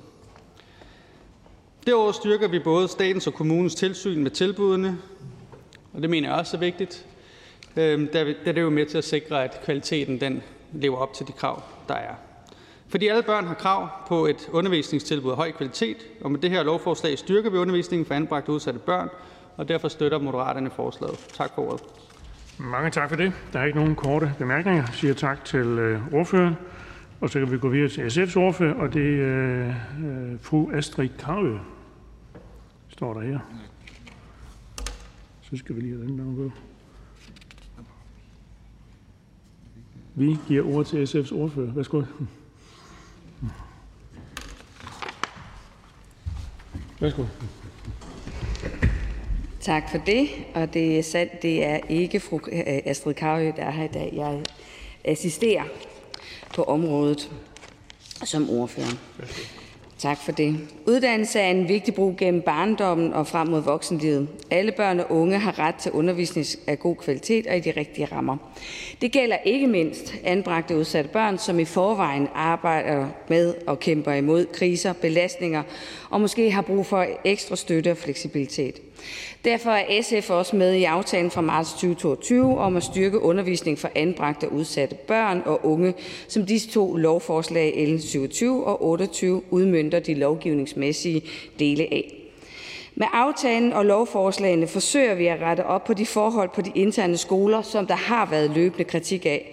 For det er naturligvis uacceptabelt, når både ombudsmanden og Rambøl har påpeget, at kvaliteten af undervisning på nogle af de interne skoler er mangelfuld og utilstrækkelig, og at eleverne ikke modtager den undervisning, de har krav på efter folkeskoleloven. Det er helt afgørende at gøre det bedre og have højere ambitioner for udsatte børns vegne. Med lovforslagene styrker vi derfor kvaliteten med krav om, at der på behandlings- og specialundervisningstilbud indgås en kvalitetsaftale med beliggenhedskommunen, der omfatter både undervisningstilbuddet og den del af tilbuddet, der yder indsatser efter lov om social service, barnets lov, ligesom der stilles krav til samarbejde med det lokale skolevæsen og socialforvaltningen.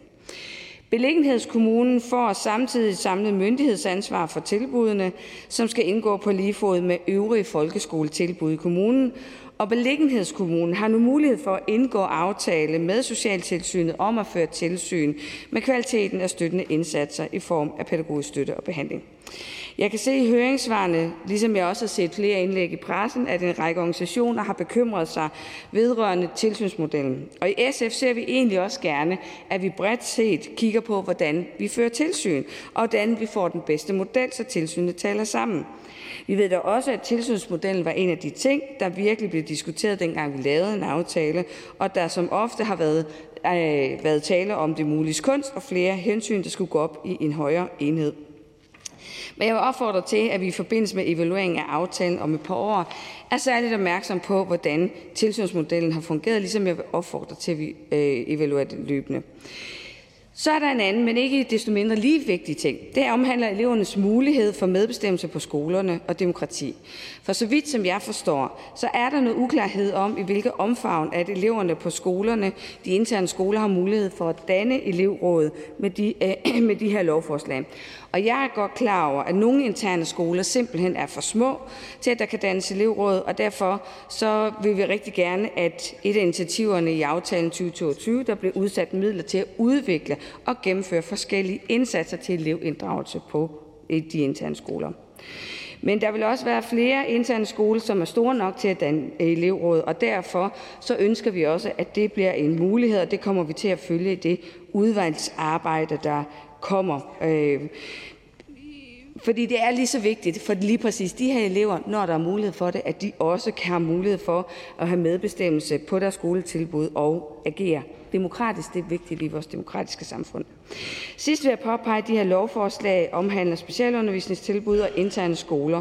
Og det er rigtig godt, at vi får styrket kvaliteten, men rigtig mange anbragte børn går også i den almindelige folkeskole, og vi skal se på, hvordan vi støtter dem bedst muligt. SF støtter lovforslaget, men vi mener som sagt, at elever på interne skoler bør have mulighed for at danne elevråd, og det håber vi meget, at ministeren vil være med til at se på. Tak for ordet. Mange tak for det. Der er ikke nogen korte bemærkninger, så vi siger tak til øh, ordføreren, og vi kan gå videre til Danmarksdemokraternes ordfører, og det er fru Karina Asbøl.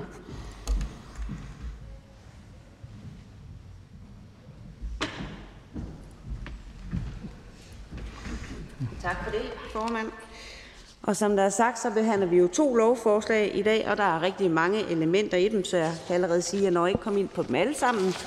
Men øh, lovforslagene de ønsker jo så at styrke undervisningstilbud for anbragte og udsatte børn og unge, og det ønske deler vi også i Danmarksdemokraterne. En vellykket skolegang er af stor betydning, også for anbragtes børn og unge skolegang, og desværre ser vi jo, at anbragtes børn ofte har skoleskift og store huller i skolegangen. Når et barn eller en ung skifter anbringelsessted, følger der ofte skoleskift med, og der er også ofte øh, lange huller, hvor barn eller den unge ikke har et skoletilbud. Og det er vigtigt, at anbragte unge ikke bliver kastebold i skolesystemet, men at man sikrer dem stabilitet i anbringelsen og i deres skolegang. Forskning viser, at undervisning er afgørende for, at de mest sårbare børn og unge trives fagligt, personligt og socialt, samt at de får et godt voksenliv. Alle børn har ret til undervisning af høj kvalitet og uddannede lærere.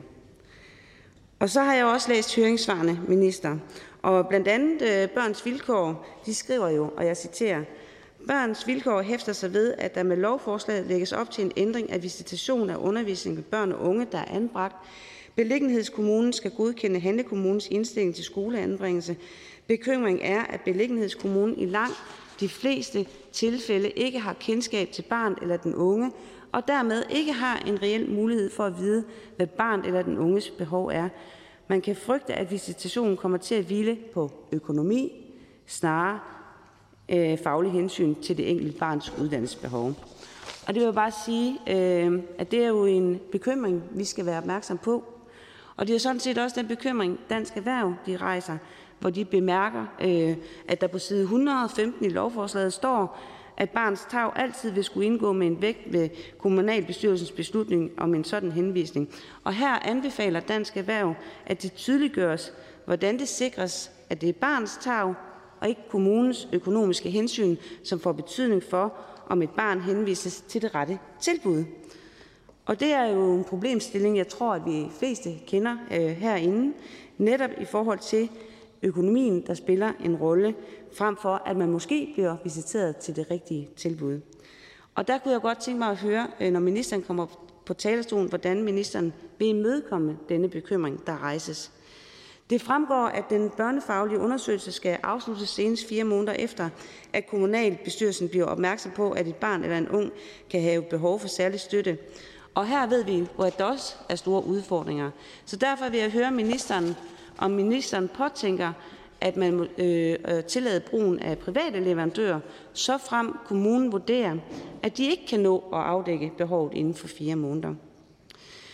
Så er der danske handicaporganisationer, som rejser den bekymring, der vedrører tilsynet, og, og de ser et behov for en bedre kontrol med kvaliteten for anbragte børn og unge på landets special- og dagbehandlingstilbud, hvilket de anerkender, at øh, lovforslaget imødekommer. Dog så er de jo bekymret for, at der med lovforslaget lægges op til, at beliggenhedskommunen skal føre tilsyn med kvalitetsstandarderne eller kvalitetsaftalerne.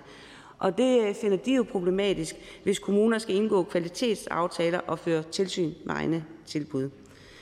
Et element i lovforslaget er, at staten skal føre tilsyn med, at kommunerne indgår kvalitetsaftaler, samt at tilbuddet overholder kravene i kontrakten. De foreslår så, at man i stedet øh, kunne overveje en løsning, der sikrer den nødvendige armslængde mellem udbyder, køber og tilsynsmyndighed, og at det eksempelvis kunne være øh, ved at lade staten have det direkte tilsyn. Og det vil jo samtidig også lette byråkratiet. Og jeg kunne egentlig godt tænke mig at høre ministerens holdning til det også. Men det er godt og positivt, at de her lovforslag de bliver evalueret, fordi alt for tit er det jo en mangelvare. Det er vigtigt for os, at vi følger op på øh, implementering og, og hvordan det kommer til at, at foregå i praksis. Netop også, hvordan loven bliver udmyndtet i praksis. Danmarksdemokraterne stiller sig positivt over for de her, øh, de her lovforslag og ser frem til den videre behandling og ser også frem til ministerens besvarelse af de øh, udfordringer, som der har været øh, i høringsvarene. Og så vil jeg sige tak for ordet. Mange tak for det. Der er ikke nogen korte bemærkninger, så vi siger tak til ordføreren. Og vi kan gå videre til øh, Liberale Alliances ordfører, og det er fru Helena Artmann Andresen.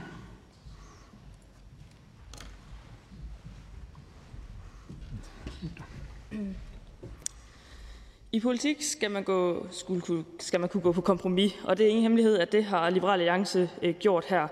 Hele debatten om private skulle trække øh, overskud ud af de forskellige vel, velfærdsområder var på sit højeste.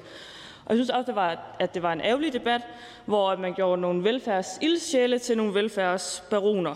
Helt overordnet er det godt, at vi kan endt der, hvor at vi øh, ville ødelægge muligheden for at vælge et privat alternativ, som vi har i dag. Og lad mig starte med at slå en ting fast. Det er godt, at der er kommet øget fokus på kvaliteten på de interne skoler, fordi der er mange af skolerne, hvor kvaliteten ikke er god nok. Og for eksempel så er der mange elever, der ikke har fået tilbud undervisning i den fulde fagrække, og at der er mange elever, der har oplevet, at de er blevet fritaget for fagene, uden at de selv har fået en individuel vurdering. Og derfor er det også godt, at der kommer skærpet tilsyn med de her skoler. Dog er jeg bekymret for tilsynsmodellen, at man har opdelt det i det faglige og det sociale tilsyn. Og det er aldrig optimalt, når en kommune skal føre tilsyn med sig selv.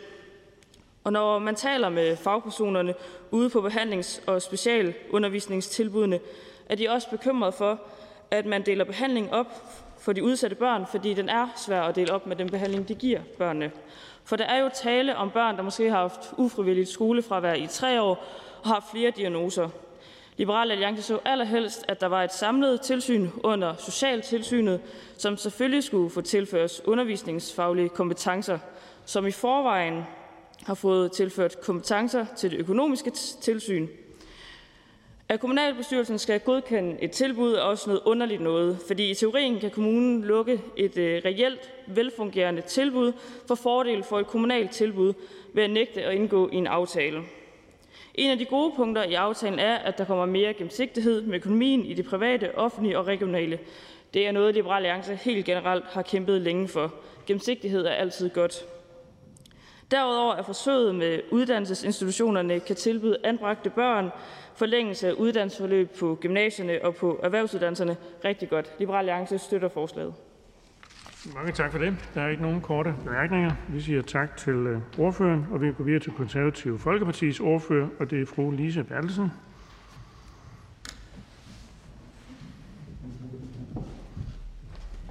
Mange tak for ordet. Som det tidligere er nævnt, så øh, de to lovforslag, som sambehandles, de udmønter dele af en aftale mellem øh, et meget bredt flertal fra 22. Lovforslaget vedrørende den del af aftalen, som omhandler regulering af specialundervisningens rammer i det, der hidtil har været kendt som anbringelsessteder, men som foreslås at skifte navn til børne- og ungehjem i folkeskoleloven, og specialundervisningens ramme i det, der hidtil har været kendt som dagbehandlingstilbud, men som foreslås at skifte navn til behandlings- og specialundervisningstilbud. De nye betegnelser de er nutidige og retvisende, og hvem vil ikke også hellere bo på et hjem end på et anbringelsessted? Lovforslaget vedrørende blandt andet også, at det er beliggenhedskommunen, som skal have et samlet myndighedsansvar for både behandlings- og specialundervisningstilbuddet, og bestemmelser om, at der for både offentlige og private behandlings- og undervisningstilbud skal indgås en kvalitetsaftale med beliggenhedskommunen, der omfatter både undervisningen og de øvrige indsatser. Det ser vi meget positivt på, men er meget enige med Danmarksdemokraterne om, at kvalitetsaftalen den skal evalueres. Alt i alt er det konservative Folkeparti meget positiv over for, at det nu lykkedes, at anbragte og udsatte børn tilbydes den undervisning jævnfør folkeskoleloven, som de faktisk har ret til. Da, skole, da god skolegang kan have en massiv beskyttende øh, faktor fremad i livet for de her udsatte børn og unge. Det konservative Folkeparti stemmer for lovforslaget. Tak for ordet. Mange tak for det. Der er ikke nogen korte bemærkninger. Tak til øh, ordføreren. Og vi går videre til enhedslistens øh, ordfører, og det er fru Anne Hedel.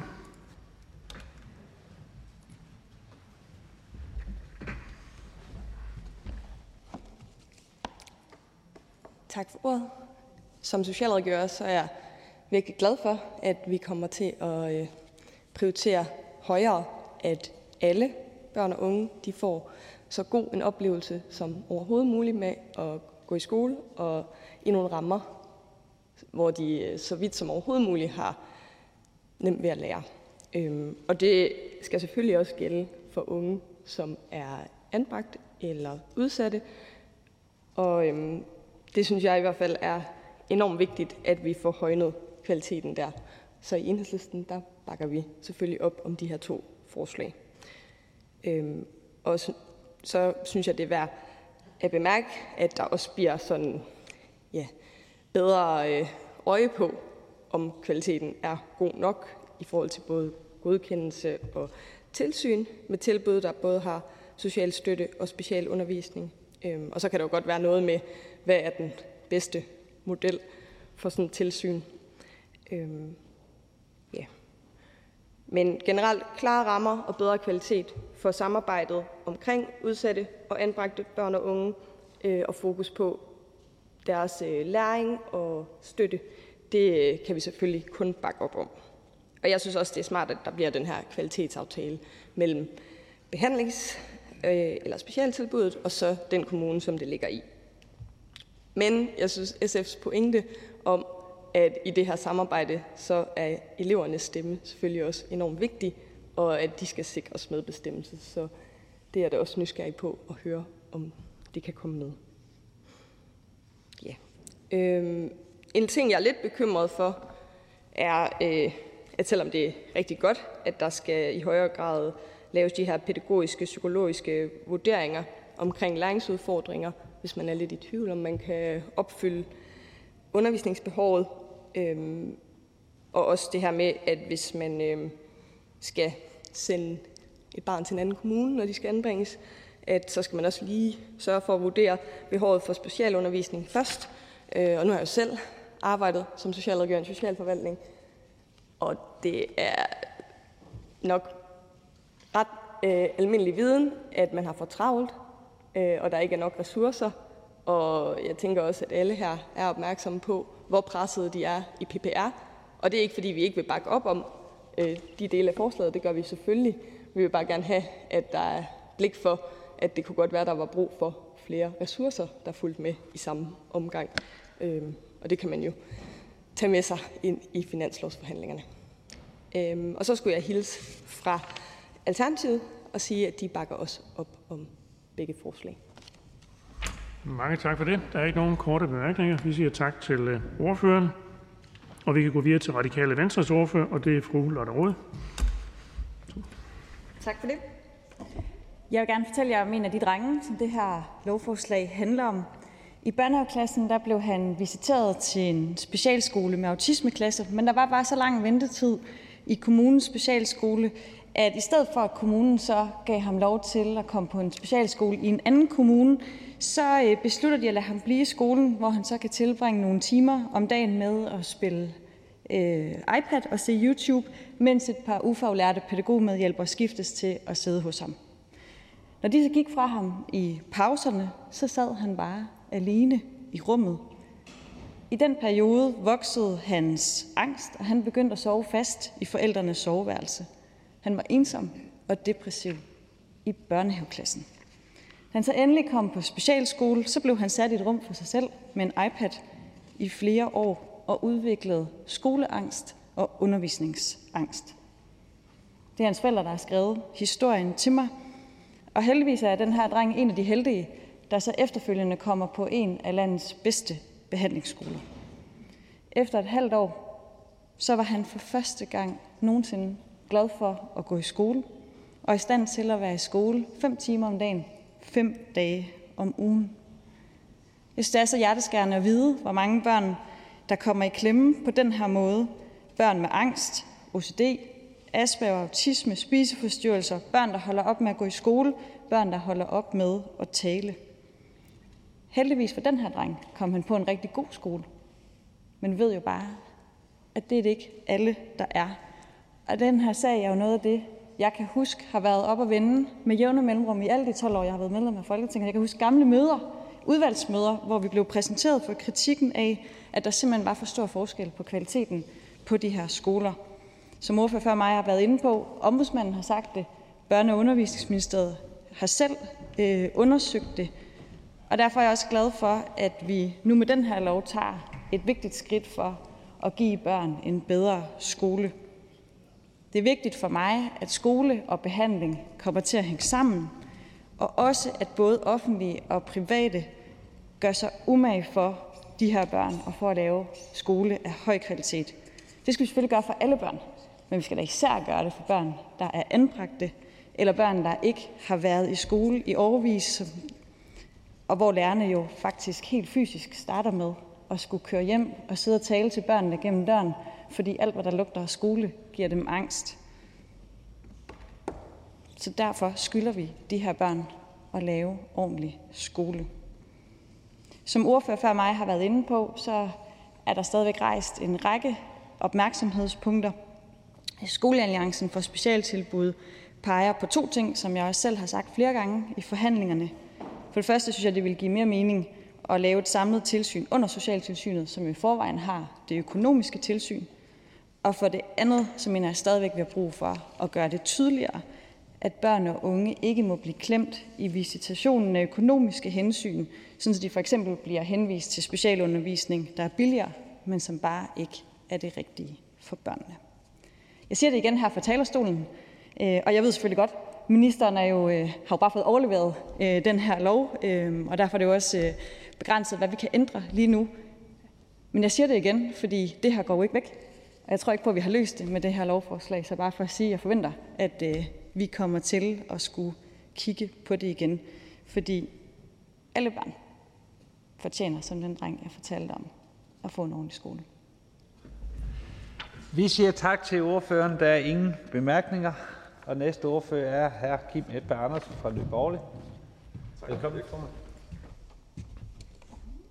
Jeg skal stå mere klar, fordi I starter tiden, når jeg går op ad trappen. Men jeg har nu ikke så meget at sige. Vi kan lige tage konklusionen først. Vi kommer ikke, Nye Borgerlige støtter vi ikke forslag, hvor at, øh, at lovgivningen bagved det den ikke er, er gennemtænkt, og det er den her ikke. Så vi støttede det ikke tidligere, og vi kommer ikke til at støtte det nu. Men når fru Lotte Rod hun fortæller den her historie om et menneske, der har fået angst, og så bliver Øh, Øh, ikke bliver hjulpet, så bliver jeg også nødt til at have et advarselspunkt til, hvorfor vi ikke synes. I min egen kommune i går der har byrådet valgt at lukke noget, der hedder Læringscenter Himmerland. Det er for de allermest specielle børn, vi har, som har brug for specielle tilbud. Hvorfor gør de det? De kunne spare 850.000. Det er 44 børn, som nu skal ud i folkeskoletilbud. Man ved ikke rigtig lige, om man kan løse opgaven, men man kan spare 850.000 som byråd, og det er jo virkeligheden. Det er jo virkeligheden herinde, når vi laver de her ting. Så kan vi føle og tænke og gøre, for der er rigtig meget godt i lovforslaget. Altså, det anerkender jeg fuldt ud.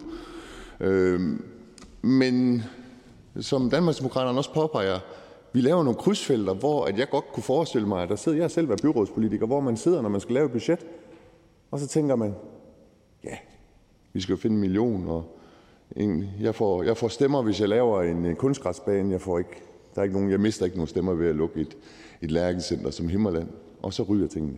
Og det skal vi sikre os. Og jeg ved ikke, hvordan vi sikrer os det, fordi jeg ved godt, at så kommunal selvstyre og de andre problematikker, men måske er der nogle områder, vi skal løfte væk fra kommunerne, fordi der er nogle mennesker, der er for vigtige til, at man skal sidde og spare på dem for ganske små penge, på trods af, at man faktisk godt ved, at det nok bliver ringere tilbud. Så jeg anerkender, at der er mange gode ting i lovforslaget. Øh, og Nye Borgerlige øh, kommer ikke til at støtte det. Et af den grund, og to af den grund, at vi synes, at det det er bekymrende at se, at man et eller andet sted ikke mener, at private de de kan få lov at være øh, gode udbydere, anden hvis at de øh, bliver selvejende institutioner eller aktieselskaber eller sådan noget. Meget af det her det bliver drevet af ildsjæle, og ofte øh, nogle af de bedste tilbud bliver også drevet af, af folk, som bare har et CVR-nummer og en personlig ejet virksomhed. Det synes vi ikke det var nødvendigt. Vi er sikre på, at det er sket i en forhandlingssituation, hvor at ideologi har været mere gennemtrængende end Øh, egentlig, øh, hvad der er behov, og hvad der er godt. Vi anerkender, at øh, der er mange partier herinde, der støtter forslaget. I Nye Borgerlige kommer vi naturligvis til ikke at støtte det.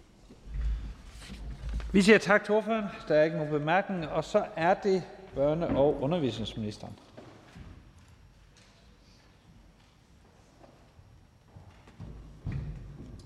Velkommen.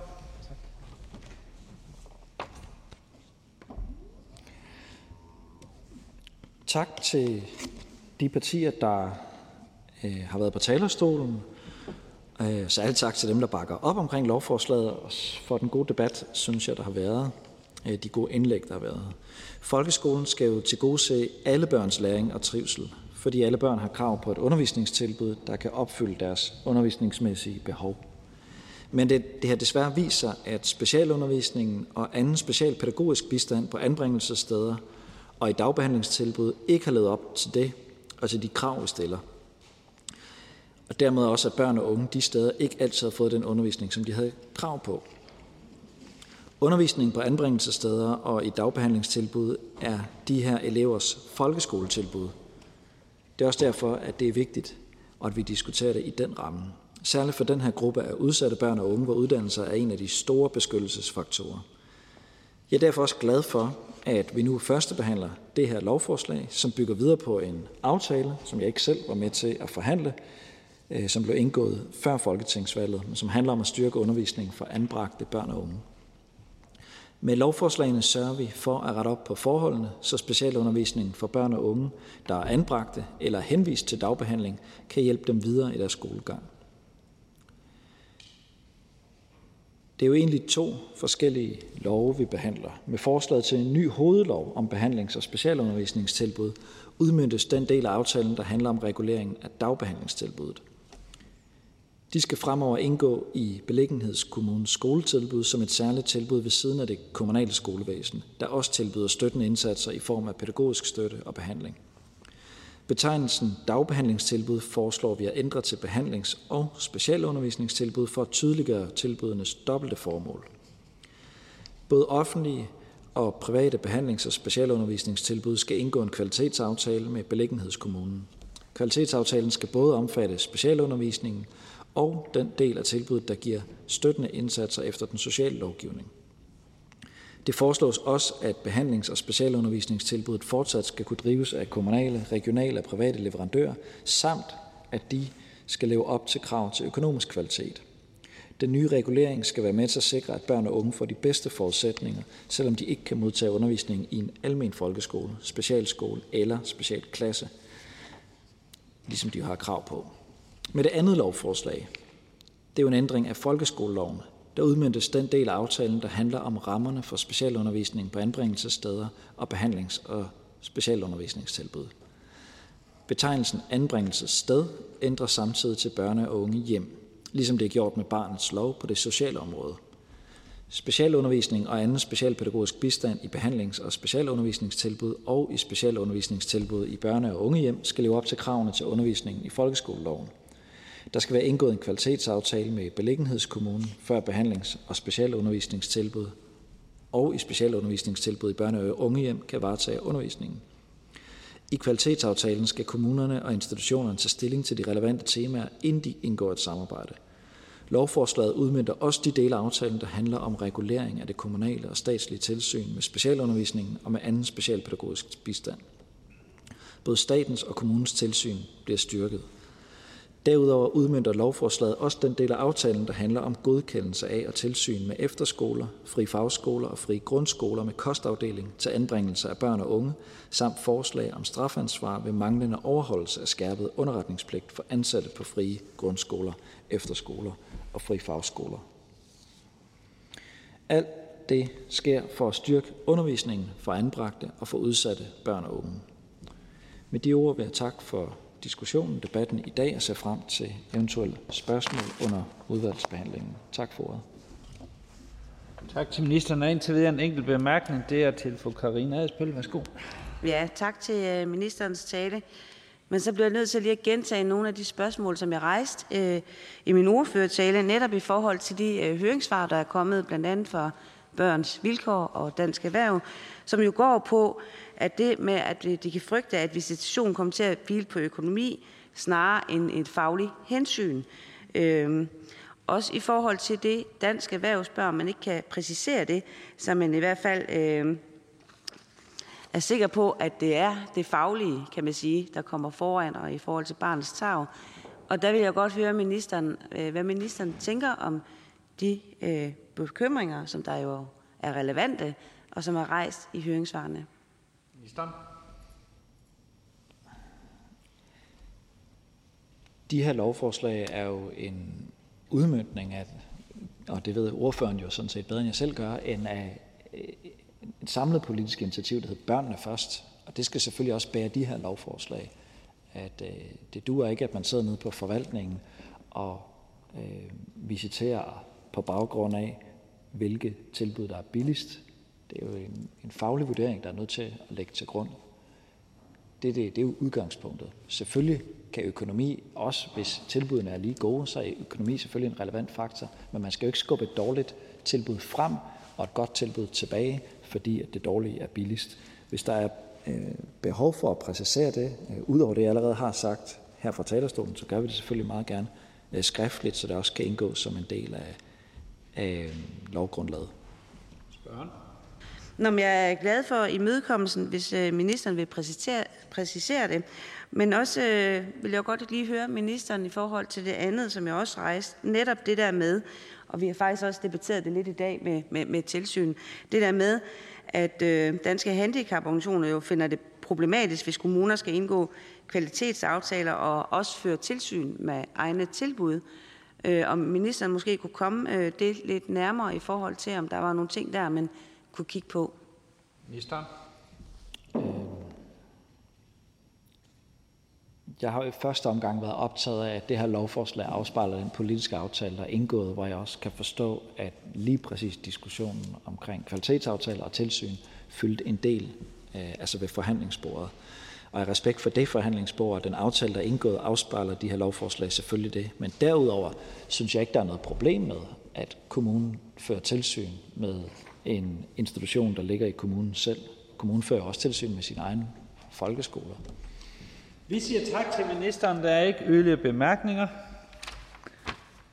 Da der ikke er flere, som har bedt om ordet, er forhandlingen sluttet. Jeg foreslår, at lovforslaget henvises til børne- og undervisningsudvalget, så vil ingen gøre indsigelse til dette, betragter det som vedtaget. Det er vedtaget.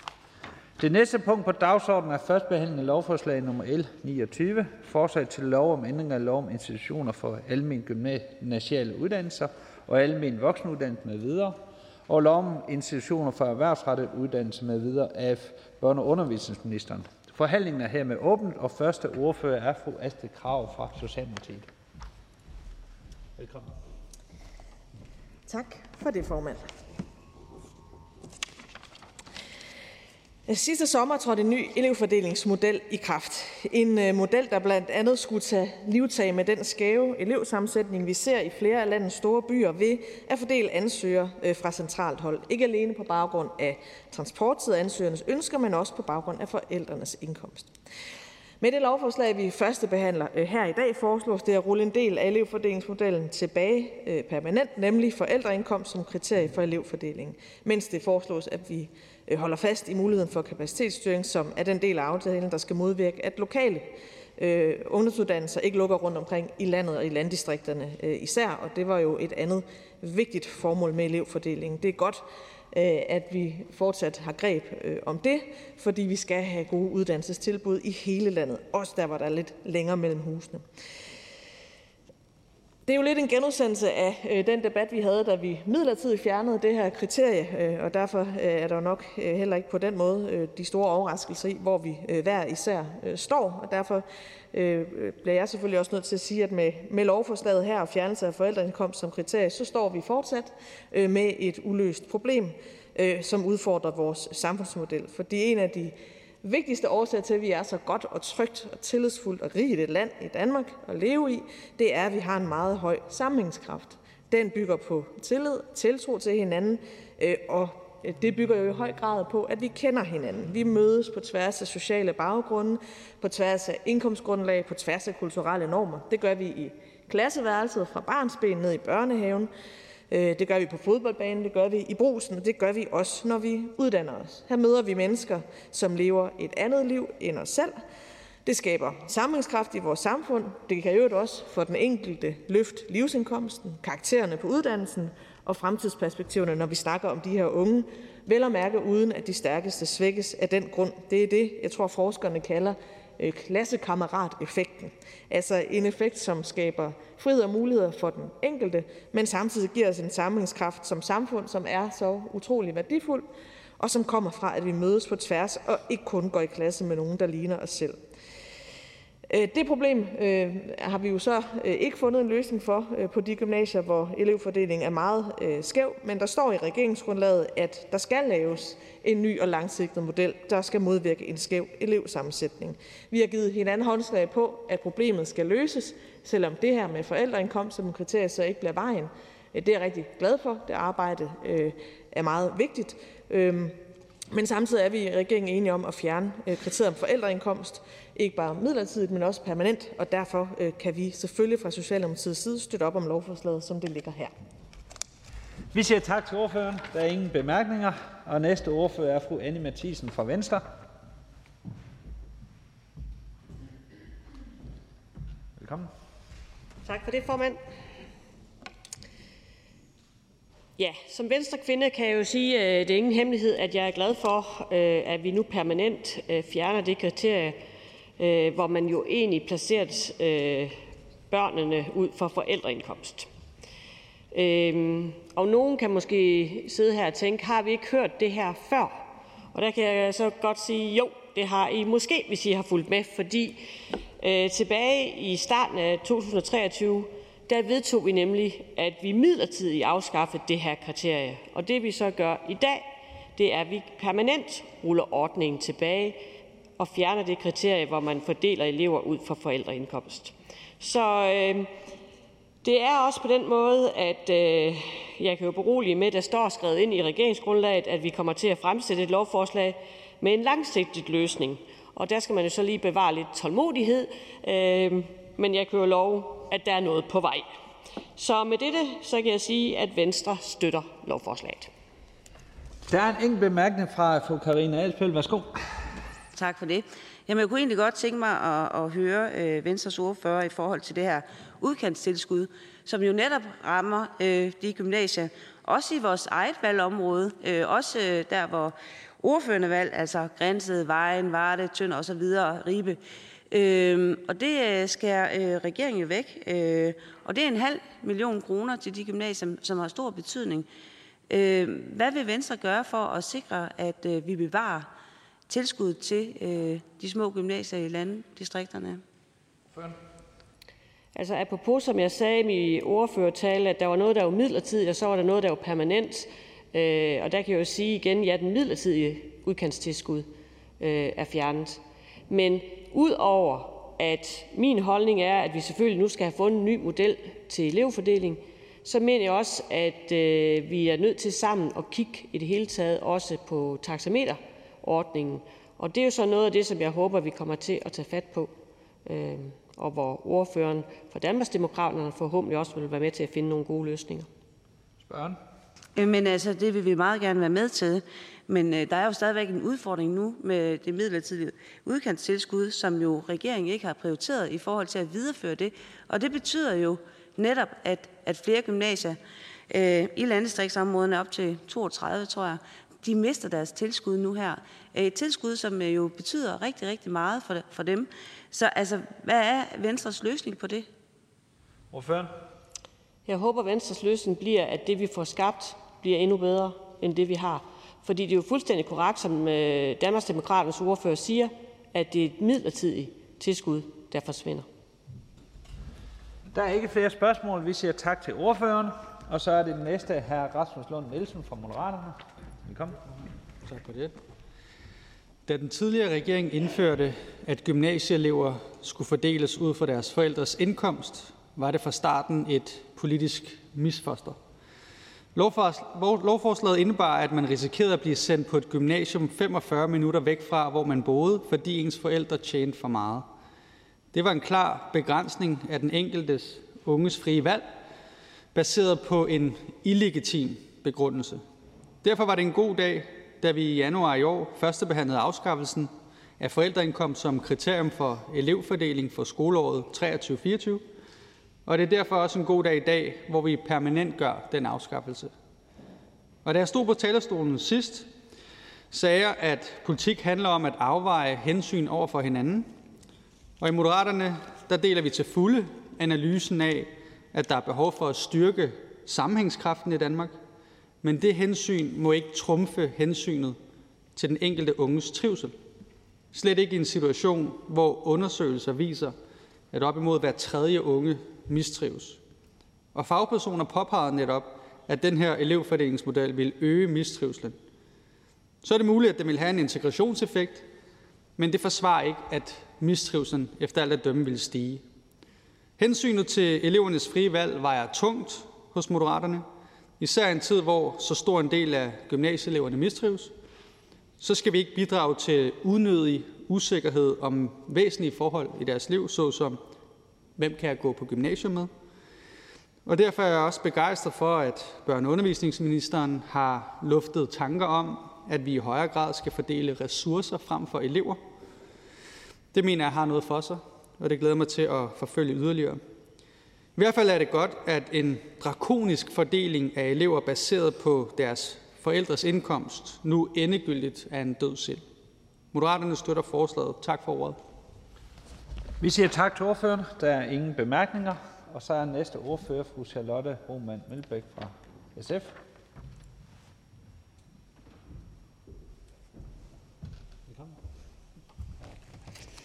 Mange tak for det. SF var med i den seneste aftale om øh, elevfordeling, fordi der er to problemer, som skal løses.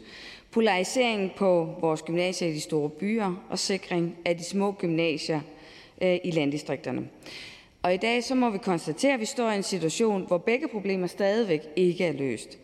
Regeringen har droppet store dele af elevfordelingsaftalen, og det er endda uden at have en anden model klar, og det mener vi i SF er kritisabelt.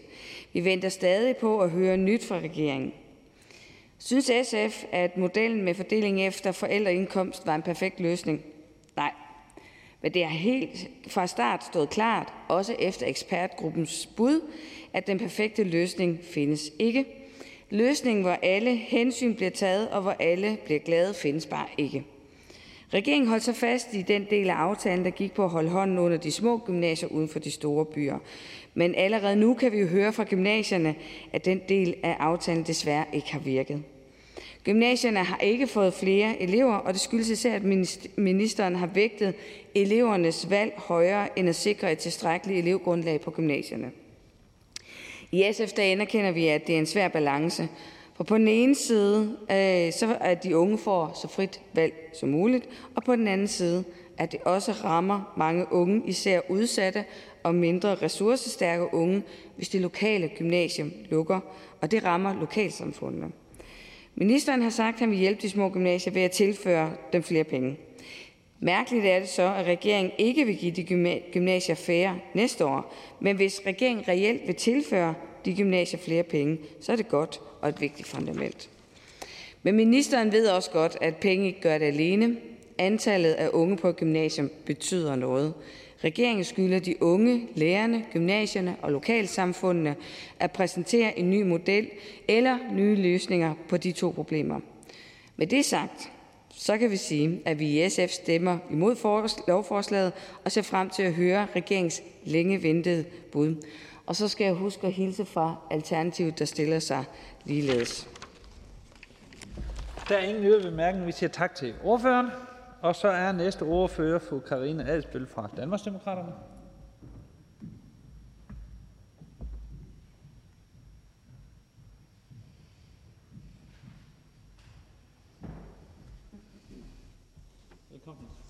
Tak for det, formand, og tak for ordet. Lovforslaget, vi behandler i dag, har jo rod i regeringsgrundlaget. I regeringsgrundlaget står der, og jeg citerer, Regeringen vil tilbagerulle aftalen om elevfordeling fra juni 2021, så kriteriet om forældres indkomst i elevfordeling på gymnasier ikke længere er gældende. Det skal i stedet fordeles efter transporttid. Citat slut. Herudover står der også, og jeg citerer igen, regeringen vil gå videre med de tiltag, der sigtes efter, Øh, øh, der sigter efter, at gymnasier i de mindre befolkede områder ikke lukker. Regeringen vil præsentere en ny model, der modvirker en skæv elevsammensætning, især i de større byer. Ja, og det, øh, det, det første har vi jo taget hul på øh, tidligere øh, i januar med et andet lovforslag, hvor vi jo med et øh, midlertidigt lovforslag netop fjernede fordelingskriteriet med forældres indkomst. Og det fortsætter vi så nu med øh, forslaget, vi behandler i dag, hvor det foreslås, at kriteriet øh, om forældres indkomst i fordelingen af elever på gymnasiet fortsat ikke skal være gældende. Og allerede da vi behandlede det, synes jeg jo, det var underligt, at det kun var et midlertidigt øh, lov, Øh, og nu øh, skal vi så øh, stå her i dag igen, hvor det bliver permanent. Men vi synes jo egentlig, det er positivt, for det betyder jo også, at øh, den model, der skulle bidrage til en mere balanceret elevsammensætning på gymnasiet, særligt de større byer, fjernes. Men gymnasierne står jo alligevel tilbage med problemstillingen, indtil en ny model vedtages. Og øh, det mener vi i Danmark, Demokraterne er et stort problem, der skal løses, og vi forventer også, at regeringen lever op til det, øh, som de skriver i deres øh, regeringsgrundlag. Øh, og i den forbindelse ser vi gerne, øh, imødeser vi gerne i Danmarksdemokraterne forslag fra regeringen, øh, og vi vil også gerne deltage i drøftelsen om, hvordan vi kan finde en bedre model, ligesom det er vores forhåbning, at en ny model for elevfordeling vil holde hånden under øh, de unges mulighed for at vælge den uddannelse, der passer bedst til den enkelte, og at den samtidig også tager et opgør med den skæve elevsammensætning, vi har set på nogle gymnasier. Øhm, og i den forbindelse er jeg også nødt til at nævne, at jeg håber, at regeringen vil leve op til den del af regeringens grundlag, jeg netop startede med at citere, der handler om at holde hånden under de små gymnasier. Fordi her har regeringen indtil videre skuffet, senest med regeringens finanslovforslag for 2024, hvor man sløjfer det forhøjet udkantstilskud til de almene gymnasier. Og det betyder jo, at 32 gymnasier, der er berettet til udkantstilskud, må vinke farvel til en halv millioner kroner efter nytår. Og det lyder måske ikke af meget, men det betyder øh, alverden i de små gymnasies budgetter, der i forvejen er presset på de små overgange. For Danmarksdemokraterne er det helt afgørende, at de unge har mulighed for at gå også på et gymnasium tæt på, hvor de bor. Og vi ved jo også, at rejsetiden øh, har stor betydning for gennemførelsen, ligesom det betyder noget i de små lokalsamfund, at der ligger et gymnasium. De unge og deres forældre kan ikke være tjent med, at de skal tvinges i timelange transporter øh, til deres skole. Og derfor håber jeg jo også, at vi med årets finanslovsforhandlinger kan blive enige om at finde de cirka 16 millioner kroner til de små gymnasier, så vi ikke kommer ud i den situation, hvor nogen må dreje nøglen om. I den forbindelse ønsker vi at gøre ministeren opmærksom på, at der fortsat jo også er et stort behov for en politisk drøftelse af, hvordan taxametersystemet skal justeres, så det i højere grad til gode ser unges uddannelsesmuligheder i hele landet. For eksempel er erhvervsgymnasierne ofte færre og har en større geografisk spredning end de almene gymnasier, men de bliver ikke sidestillet med de almene gymnasier netop i forhold til udkantstilskuddet, hvilket jo medfører, at potentiale for et større uddannelsesudbud i yderområderne også svækkes. Så det helt store spørgsmål er, hvornår regeringen vil se på de økonomiske styringsmodeller med henblik på at skabe bedre og mere lige vilkår imellem f.eks. de almene gymnasier og erhvervsskolerne, og det arbejde vil vi gerne deltage konstruktivt i.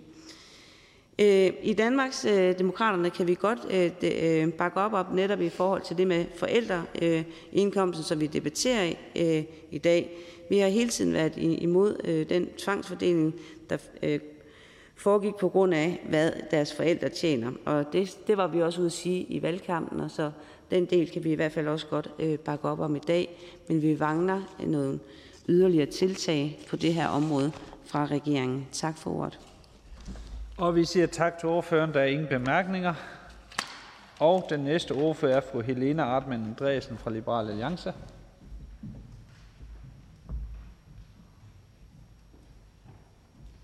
Kom. Tak. Nå, nu står vi her igen og skal førstebehandle elevfordeling af gymnasieelever. Desværre ikke en ny model. Jeg havde håbet for længst, at regeringen havde haft indkaldt til forhandlinger omkring en ny model.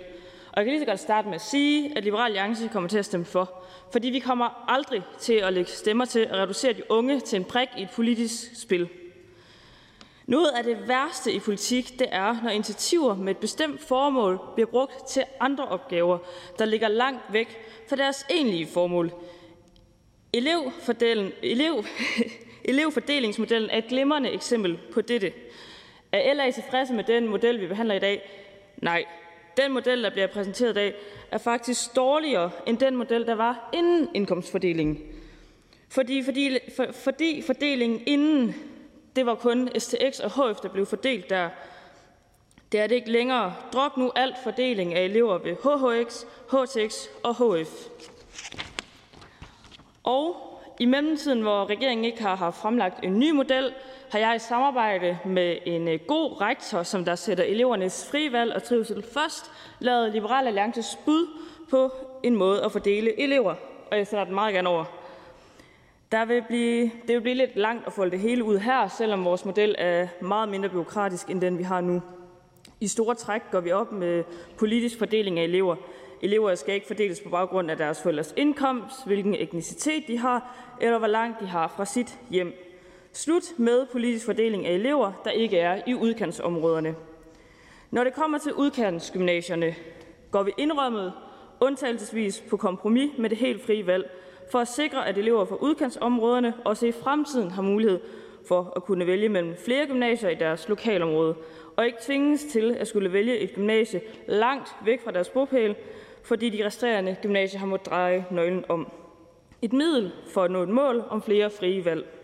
Vi vil også beholde udkantstilskuddet. I vores model vil udkantsgymnasierne have ansvaret for selv at tiltrække minimum 56 elever årligt. Lykkes det, fordeles eleverne fra lokalområdet øh, fra kortest afstand, så et udkantsgymnasie vil have 84 elever, og der bliver ikke fordelt én mere elev end det. Kan udkantsgymnasiet inden for tre år ikke tiltrække 56 elever ved egen hjælp, vil det medføre, at gymnasiet må lukke. For Liberal Alliance er det afgørende, at gymnasierne har et højt fagligt niveau og en sund elevkultur. Det er desværre ikke tilfældet i dag på alle gymnasier. Derfor vil vi også indføre mere tilsyn med de gymnasier, som har mange socialt udsatte elever. Og vi vil ændre taxametermodellen, så gymnasierne ikke har et økonomisk incitament til at lade fagligt svage elever bestå deres studentereksamen.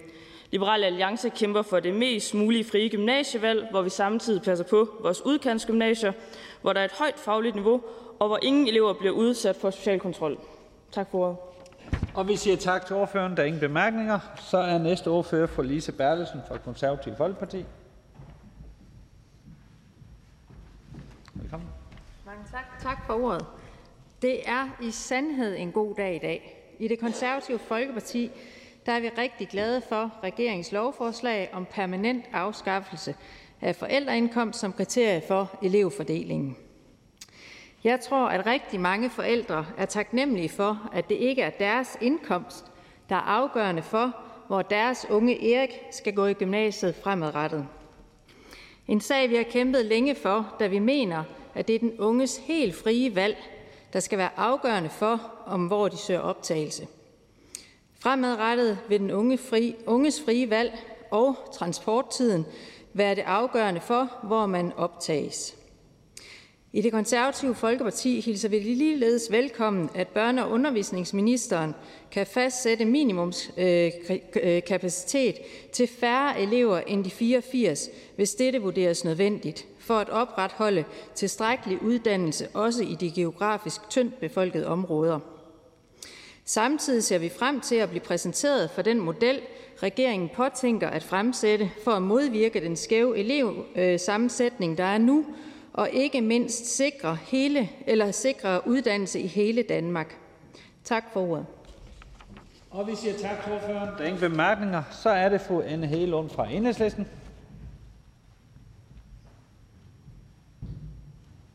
Velkommen. Tak for ordet. Øh, både frihed og lighed er vigtigt for os i enhedslisten. Så øh, selvom det kan være en svær balancegang, så kan man for os at se ikke sætte det individuelle frie gymnasievalg over øh, fællesskabets behov for at styrke sammenhængskraften, uanset om det er mellem land og by, eller på tværs af forskellige bydele i de større byer.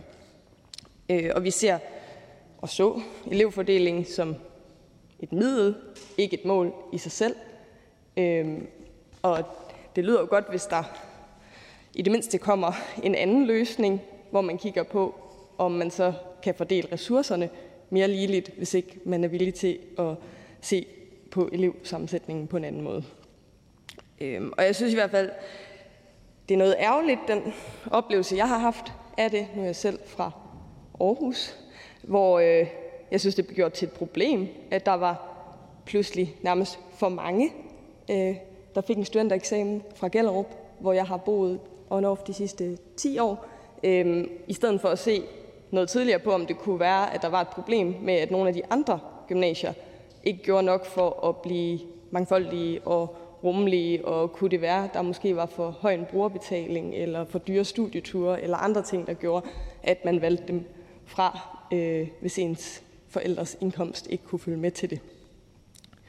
Øh, jeg synes også, det her med at tvinge nogen øh, til noget, er, er i hvert fald lidt svært, men det er jo ikke fordi, at alle i forvejen har fuldstændig frit valg på alle hylder. Det handler jo også om, om der er plads på det gymnasie, man allerhelst vil gå på.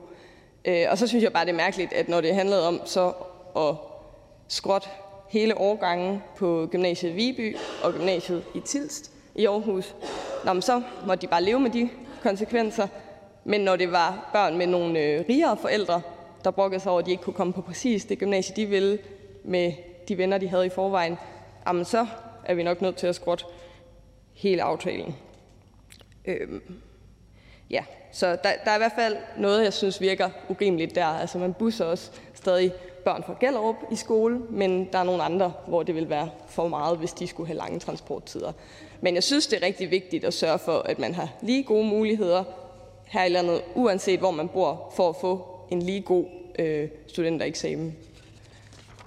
Og ja, der er det i hvert fald også enormt ærgerligt, at man ikke vil sørge for, at der kommer tilstrækkeligt med penge til nogle udkantsgymnasier. Øhm, så det er ligesom om, at begge mål med den her aftale, de er råd i skuffen, og jeg glæder mig da til, at, øh, at man kigger på, om ikke vi skulle have en løsning snart. Øhm, jeg mødte øh, nogle gymnasieelever fra Lemvi, hvor min mor er fra, og fra Rønde i min egen valgkreds, som i hvert fald var noget nervøse for, øh, om øh, deres gymnasier kunne risikere at lukke. Altså, der tænker jeg, at man skal skynde sig med at få fundet de der mere permanente løsninger, sådan at øh, vi får nogle mere blandede gymnasier, eller i hvert fald øh, får sørget for, at der følger de ressourcer med, der skal, øh, og at vi sørger for, at man kan få en gymnasiel uddannelse alle steder her i landet, uden at skulle bruge alt, alt for meget tid i en bus. Der er lige en enkelt bemærkning, så jeg skal lige bede ordføreren om at blive. Ja, tak. Og det er til øh, fru Hena, Helena Artmann Andresen. Værsgo. Tak. Øh, jeg synes, det var en lidt ærgerlig måde, du sådan, øh, fremstillede øh, rige forældre på, må jeg ærligt indrømme. Men jeg kunne godt tænke mig at høre, om enhedslisten var tilhænger af indkomstfordelingen, fordi at man måske kunne løse nogle integrationsproblemer, eller om det er, fordi direktørens datter skulle møde øh, håndværkerens søn. Ordføreren? Altså, jeg synes, det er rigtig vigtigt, at man mødes øh, på kryds og tværs, om det er så i folkeskolen eller i gymnasiet. Øhm, der kan også være nogle ting i forhold til boligpolitik, og det er jo ikke det område, vi er på lige nu. Øhm, og så synes jeg, at så længe at ressourcerne bliver ikke fordelt lige i forhold til, hvad for en elevsammensætning man har, så kan man jo kigge på, om man skal skrue på elevsammensætningen. Jeg synes, det er rigtig vigtigt at styrke sammenhængskraften og sørge for, at der er penge nok til at løfte dem, der har faglige eller sociale problemer. Spørgen? Øh, når jeg lytter øh, til enhedslisten, så har jeg også den forståelse af, at I også går rigtig meget op i unges trivsel, ligesom vi gør. Og ekspertgruppen kom jo også øh, sjovt nok frem til, at man overhovedet skal have en ekspertgruppe til at kigge på det, men at hvis eleverne får deres første valg, så trives de også meget bedre, både øh, socialt og fagligt. Øhm, så jeg kunne godt tænke mig at høre, hvis det stod til enhedslisten, skulle alle gymnasier så øh, fordeles med indkomstfordelingen, så vi møder hinanden øh, mere på kryds og tværs, selvom det gør man altså i langt de fleste gymnasier i dag. Og hvis der er nogle gymnasier med problemer med integration, altså, så må man jo kigge på dem, og så måske skal de lukkes, hvis de ikke kan få løst de her udfordringer. Ordføreren? Altså, det vil jo også kræve, at økonomi ikke er en faktor i ens frie valg. Altså, det er jo det, der også kan blive et problem, når der også er meget brugerbetaling på mange gymnasier, at øh, ja, det synes jeg i hvert fald, at det skal hænge sammen hele vejen rundt. Og der er jo altid nogen, der ikke får deres første prioritet, og det kan også blive rigtig svært, hvis alle skal have det, og man samtidig skal have mulighed for at kunne gå på gymnasiet alle steder i landet, uden at det bliver et lille bitte gymnasie. Så det er en svær balancegang, og som sagt, så er det, vi så det som et middel, ikke et mål i sig selv, men man bliver nødt til at skrue på noget for at sørge for, at alle unge i det her land har lige gode muligheder for at få ja, en god tid i gymnasiet og ja, få lige meget fagligt ud af det. Så siger vi tak til ordføreren. Der er ikke yderligere bemærkninger, og næste ordfører er fru Lotte Rod fra Radikale Venstre. Velkommen. Tak for det. En mor ringer til mig. Hun bor i Avedøre, tæt på Hvidovre Gymnasium, og siger, at hun selv har været glad for at gå på Hvidovre Gymnasium, og at hendes ældste barn har været glad for at gå på Hvidovre Gymnasium men at hendes yngste barn i hvert fald ikke skal gå på Hvidovre Gymnasium, fordi andelen af unge fra indvandrerfamilier nu er så høj, at hendes oplevelse er, at det reelt set ikke er et valg for hende at vælge det lokale gymnasium. Hendes barn bliver derfor nødt til at hoppe på S-toget og køre væk fra sit lokalområde. Har hun så reelt frit gymnasievalg, vil vi ikke netop etablere det frie gymnasievalg ved at sikre en blandet elevsammensætning og dermed sørge for, at uanset hvilket gymnasium i hovedstadsområdet de søgte ind på, så ville datteren kunne vide sig sikker på, at det ville være et gymnasium, hun ville kunne føle sig hjemme på, kulturelt og socialt. Kræver frihed ikke, at politikerne en gang imellem griber ind og etablerer de rammer, som friheden skal fungere i? Ellers er det jo bare junglelov. Hvis vi skal etablere den reelle frihed til det ungdomsliv på det lokale gymnasium, kræver det politisk handling. Og det er den politiske handling, regeringen afstår fra, og det er hvad jeg opfatter som berøringsangst. Det er klogt sagt. Derfor skal jeg også skynde mig at sige, at øh, jeg ikke selv har fundet på det. Ordene er øh, her Mathias Tesfajs fra januar 2018, dengang vi sammen stillede forslag om elevfordeling på gymnasierne. Jeg har fuld forståelse for, at der er kommet en ny regering, og at man vil af med forældrenes indkomst som kriterium. Det er helt fint, at vi skal lave en anden model, men jeg kan ikke forstå, at der er gået et halvt år siden, vi var i salen sidst, og der ikke er kommet en ny model. Det står jo endda i regeringens eget regeringsgrundlag, jeg citerer, Regeringen vil gå videre med de tiltag, der sigter efter, at gymnasier i de mindre befolkede områder ikke lukker. Regeringen vil præsentere en ny model, der modvirker en skæv elevsammensætning, især i de større byer. Fine ord, men hvad er der sket i handling? Regeringen vil tage en halv million fra hver af de små gymnasier, og man har endnu ikke lavet en ny elevfordelingsmodel. Hvorfor sker der ikke noget? Vi har brug for at gøre to ting. Et, vi skal sikre de små gymnasier, og for det andet, så har vi brug for at lave en ny elevfordelingsmodel, der gør, at vi reelt får blandede gymnasier.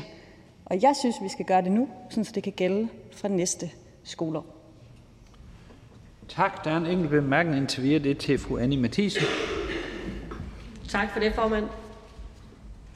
Kan Radikale Venstres ordfører øh, forklare, hvordan Radikale Venstre synes, modellen skal se ud? Ordføren.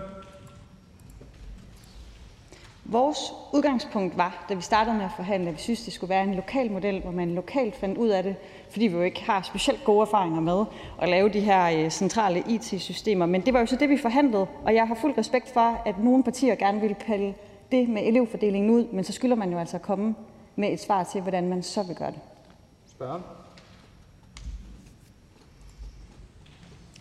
Det kan jeg også godt øh, berolige ordfører med, at det kommer selvfølgelig også, når det er skrevet ind i regeringsgrundlaget. Men lad os nu gå ned ad den vej, som Radikale Venstres ordfører øh, så siger, altså det skal være en lokal model, som jeg forstår det. Øh, vil det sige, at ordføreren mener, at der skal være forskellige modeller, eller kan man lave ens model alle steder i landet? Ordføren. Vores oprindelige tanke var at lave en lokal model. Så valgte man jo ligesom at gå ind i et forhandlingsrum, hvor man gerne ville lave en central model. Og jeg har det helt ærligt sådan, jeg kan være med til mange forskellige ting, fordi for mig er det ikke vigtigt, at det skal se ud på en bestemt måde. Det, der er vigtigt for mig, det er, at vi løser opgaven, og det er, at vi skal have blandede gymnasier. Og det er derfor, jeg bliver så vred over, at når vi har haft et halvt år, siden vi var her i salen sidst, og regeringen er jo dem, der ønsker at lave den om, og derfor må regeringen jo også altså se at komme med en ny elevfordelingsaftale, sådan så vi sikrer, at der bliver blandede gymnasier. Så skal jeg nok være meget velvillig til, hvordan det så kan se ud. Så siger vi tak til ordføreren. Der er ikke flere bemærkninger. Og så er det her Alex Arnsen fra Dansk Folkeparti. Velkommen. Tak, formand. Gymnasievalget er for store dele af ungdommen et af øh, de helt store livsspørgsmål. Det er et valg, som for mange unge mennesker kan give svedige håndflader og søvnløse nætter. Siden elevfordelingsmodellen blev implementeret, har vi hørt både de unge og deres forældre råbe højt. Hvorfor skal forældreindkomst spille en rolle? I stedet for at man kunne vælge et gymnasium, man gerne vil gå på, så var det forældrenes indkomst, der var afgørende for, hvilket gymnasium man i sidste ende endte på. Og dette skabte store bekymringer for mange unge. Og selvom den nuværende elevfordelingsmodel blev implementeret med det formål at sikre en mere afbalanceret elevsammensætning på vores gymnasier, så har det vist sig at skabe nogle uheldige uligheder i vores uddannelsessystem. Regeringen foreslår at rulle fordelingsmodellen tilbage til den, der fokuserer på transporttid som primært kriterium. Og dette indebærer en afskaffelse af forældrenes indkomst som afgørende faktor for gymnasieplacering. Det støtter vi i Dansk Folkeparti. Ændringen gør, at de unge nu igen kan vælge, hvilket gymnasium de vil gå på, ved at fokusere på transporttid sikrer vi, at eleverne kan vælge institutioner, der er tættest på deres bopæl, og dermed mindske rejsetiden og de udgifter, der for mange ofte er en hindring. Til sidst, men absolut ikke mindst, vil dette fjerne en betydelig kilde til bekymring for mange unge, der inden for det kommende år stiller sig selv det vigtige spørgsmål. Hvad vil jeg gerne være, når jeg bliver voksen? Tak for ordet. Og vi siger tak til ordføreren. Der er ingen bemærkninger. Og så er det børne- og undervisningsministeren.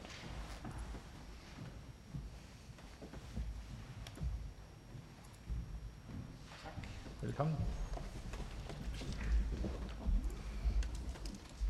Tak til de ordfører, der har været på talerstolen. Som det fremgår af regeringsgrundlaget, ønsker regeringen ikke, at forældrenes indkomst indgår som et led i elevfordelingen. Tilbage i februar sikrede vi derfor, at ansøgere til de gymnasiale ungdomsuddannelser blev fordelt efter reglerne for fordeling i afstandszoner. Alle sammen. Hvis der var flere ansøgere til en institution, end institutionen havde kapacitet til at optage, så skulle de grundlæggende kriterier være ansøgerens prioritet og ansøgerens transporttid. Der var tale om en midlertidig ordning, som kun skulle gælde for fordeling af ansøgere til det skoleår, vi befinder os i nu. Men med det her lovforslag sikrer vi, at forældreindkomst også fremover afskaffes som kriterium for elevfordeling, altså fra det skoleår, der starter næste august og frem efter. Det indebærer, at det grundlæggende fordelingskriterium ud over ansøgerens prioritet selvfølgelig også fremover vil være transporttid, hvis der er flere ansøgere til en institution eller afdeling, end institutionen kan optage. Og i forlængelse af det foreslås lovens bestemmelser om forældreindkomst ophævet. Det vil sige bestemmelserne om at indhente og anvende forældreindkomst øh, om inddeling i lav-, mellem- og højindkomstkategori på baggrund af forældreindkomst, og hvad forældreindkomst består af. Det foreslås derudover, at bestemmelser om opdeling af landet i geografisk sammenhængende zoner og om fordeling i fordelingszoner ophæves. Og fordi forældreindkomst ikke længere kan benyttes som et måleparameter til at opnå en balanceret elevsammensætning, foreslås mindre ændringer i bestemmelser om kapacitetsstyring og godkendelse af profilgymnasier. Herudover foreslås en mindre justering af bestemmelser om håndtering af eftertilmeldere. Det ændrer ikke ved de øvrige elementer i elevfordelingsmodellen. Det er regeringens hensigt, at vi skal se på en mere langsigtet model, der modvirker den skæve elevsammensætning, for det er fortsat et problem, der skal løses for de unges skyld, for gymnasierne og for samfundets skyld. Men vi skal helst løse det med størst mulig opbakning fra de unge og deres forældre. Tak for ordet. Tak til ligesom ministeren. Der er et par korte bemærkninger. Først er til fru Karina Adsbøl. Værsgo. Jamen, øh, tak for det. Øh, som jeg også sagde i min ordførertale, så øh, er der jo nogle udfordringer i forhold til det her. Netop også i forhold til at, at få en, en langsigtet, langsigtet model, men også i forhold til hele taxametersystemet. Så hvornår er det, at regeringen forventer, at der sker noget handling på det her område? Et er jo nu, også i forhold til de små gymnasier, der har man jo barberet udkantstilskuddet væk i forhold til finansloven. Øh, den forhøjelse, man har givet, det rammer jo 32 øh, gymnasier, i hvert fald indtil videre. Øh, og det er jo en kæmpe øh, udfordring for mange af dem, øh, som måske også risikerer at lukke. Øh, det er, så derfor øh, kunne jeg godt tænke mig at, at høre ministeren, hvornår er det, der sker noget? For der er ikke sat noget i stedet for i, i forhold til de problematikker, øh, der er. Der er jo stadigvæk en, en, en kæmpe udfordring på det her område. Ministeren? Øhm, vi har ikke sat nogen dato på, hvornår at vi fremlægger vores bud på en ny elevfordelingsmodel. Øh, og jeg har også selv haft det sådan, at jeg vil godt lige se øh, erfaringerne med øh, augustoptaget her, for at se, hvordan det fungerede første gang med den nye måde at styre på, herunder ved fastlæggelse af kapaciteter på nogle af de større og mere populære gymnasier. Spørgen? Samtidig så står, er udfordringen der bare stadigvæk, og det har jo ikke løst det. Øh, og derfor vil jeg høre ministeren, om ministeren kan komme det lidt nærmere, så vi ikke står her igen øh, om et år, og der ikke er sket noget. Øh, og derfor vil jeg også gerne høre ministeren, om ministeren vil være med til at prioritere sammen med Danmarksdemokraterne netop, at vi bevarer det forhøjede udkantstaxameter, som jo er skåret fra i forhold til gymnasierne. Ministeren? Når vi står her om et år, så vil der være sket noget. Hvad der er sket, det tør jeg ikke garantere. Og så vil jeg også sige, at øh, at ændre måden, man fordeler gymnasieelever på, er ikke noget, man gør med få måneders øh, aftræk. Det har øh, det kommer til at tage lidt længere tid fra vi beslutter noget og til at det kan implementeres i virkelighedens øh, verden. Det gjorde det også, da man lavede den her elevfordelingsmodel. Så er det fru Lotte Rod. Tiden er jo allerede løbet fra, at vi kan lave en elevfordelingsaftale, som kan gælde fra næste skoleår. Men vil ministeren love at komme med en ny elevfordelingsaftale, som så i det mindste kan gælde fra skoleåret 25? Ministeren? Jeg tør ikke love noget, men det er rigtigt, som ordføreren siger, at øh, der kommer ikke til at blive fordelt efter en ny model fra august, altså fra foråret 24 med henblik på optag august 24. Øh, det forudsætter jo også, at vi er enige, og jeg tror særligt, at øh, jeg har særligt en ambition om, at det er et lidt bredere flertal, der vil stå bag øh, en ny elevfordelingsmodel, så vi også er sikre på, at den kan overleve lidt længere tid. Fordi det er ikke holdbart, at der hele tiden bliver ændret for reglerne for, hvordan man bliver optaget på et gymnasium. Børn? Men så betyder det vel også, at ministeren indkalder til forhandlinger om en ny elevfordelingsaftale i det her efterår, hvis det skal være realistisk, at vi når at lave en aftale, så den kan komme til behandling i Folketinget til næste efterår, og så den kan komme til at gælde? Ministeren? Øh, igen, jeg tør ikke øh, forpligte mig på en tidshorisont her. Øhm, elevfordeling er også knyttet til to andre politiske processer, jeg synes er vigtige. Det ene er, at vi skriver i regeringsgrundlaget, at vi vil se på adgangskravet til gymnasiet. Og det andet er, at vi gerne vil se på taxameterstrukturen på ungdomsuddannelserne. Og de tre komponenter griber indbyrdes ind i hinanden. Hvis man for eksempel i forbindelse med elevfordelingen skal diskutere, hvad vil det have konkrete konsekvenser for et specifikt gymnasium, hvis man skruer på den knap, så er det også relevant at se på, jamen, hvad er den økonomiske, det økonomiske grundlag, altså taxameterne, og hvor mange elever er det overhovedet, ja, der vil kunne komme ind på gymnasiet i det konkrete område. Så er det fru Helene Arpmann Andresen. Tak for det. Jeg kunne godt tænke mig at høre, med den her aftale, så begynder man jo også at fordele, det gjorde man jo også før, men ikke før indkomstfordelingen, begynder man at fordele elever fra HHX og HCX.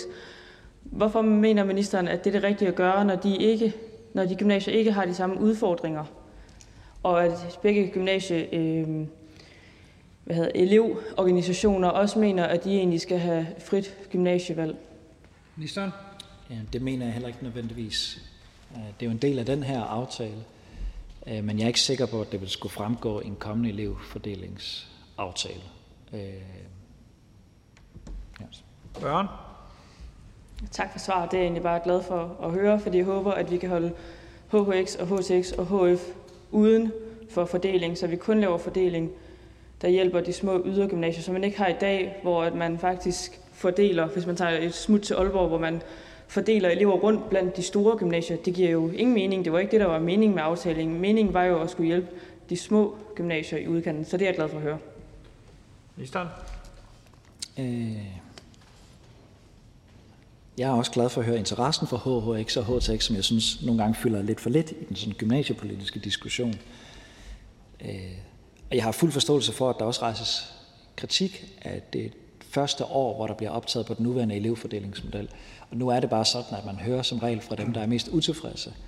Øhm, langt, langt, langt de fleste, altså 94 procent af alle dem, der har søgt, er jo kommet ind på deres første prioritet.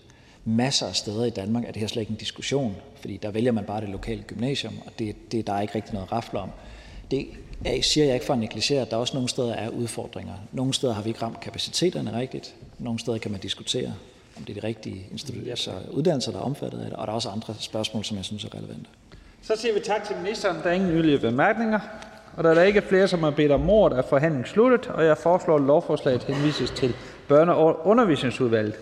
Og hvis ingen gør sig i dette, betragter jeg det som vedtaget. Det er vedtaget. Det sidste punkt på dagsordenen er første behandling af lovforslag nummer L 30, forslag til lov om ændring af dagtilbudsloven af børne- og undervisningsministeren. Forhandlingen åbner. første ordfører er fru Astrid Krav fra Socialdemokratiet. Velkommen. Tak for det, formand. Der er et eller andet med højdeforskellen på øh, øh, den socialdemokratiske minister og den socialdemokratiske ordfører, som ikke er helt aligned, hedder det vel på moderne dansk. Men tak for ordet, og godt, vi har en talerstol, der kan trods alt bevæges ret enkelt. Det er rigtig vigtigt, at øh, alle børn kommer godt fra start, når de begynder i skole. Og en del af det handler selvfølgelig om, at det enkelte barn øh, er klar, har en social modenhed, har en evne til at kunne udsætte egen behov, har en øh, grad af selvhjulpenhed, der stemmer overens med det at starte i skole. Man kan sidde ned og høre efter, eller i hvert fald er i stand til at lære det. Og lige så dejlige som øh, børn er, lige så meget er de jo også forskellige små mennesker, som udvikler sig i forskellig øh, hastighed øh, på forskellige måder. Og det kan også betyde, at der er nogle børn, der ikke er øh, helt klar til lige at starte i skolen, når undervisningspligten indtræder. Det lovforslag, som vi øh, førstebehandler nu her, handler om at give bedre mulighed for, at børn, der har behov for det, øh, en mulighed for at udsætte øh, skolestarten med et år. For øh, nogle børn der er øh, det ekstra år i børnehaven præcis den forskel, der skal til, for at de bliver klar til skolen. Det betyder øh, meget øh, for, øh, for, øh, for børn, at de øh, er klar, øh, at de har øh, de ressourcer, øh, den modenhed, der skal til, for at komme godt fra start. Hvis man ikke er der, hvis man løber panden mod muren i skolens krav og det fællesskab i klassen, man skal kunne være en del af, ja, så kan det ikke bare være en stor omvæltning for det enkelte barn, så kan det være et unødvendigt nederlag og noget, der er trælst både for klassen og for barnet. Derfor øh, er der afsat penge øh, til bedre mulighed for udsat skolestart på finansloven, og nu også en lov, der udmønter og gør, at de penge kan komme ud og virke til gavn for de børn, det vil dreje sig om. Udover den øh, meget konkrete øh, opgave, som lovforslaget her sikrer, at pengene kan komme ud at virke, så sigter lovforslaget her også mod at skabe en mere ensartet grundlag for afgørelse om skoleudsættelse. Øh, det er væsentligt, at både forældrenes og dagtilbudets viden om kendskabet til barnet står centralt i den vurdering, ligesom det også skal indgå, hvilke rammer og ressourcer skolen kan understøtte barnet med.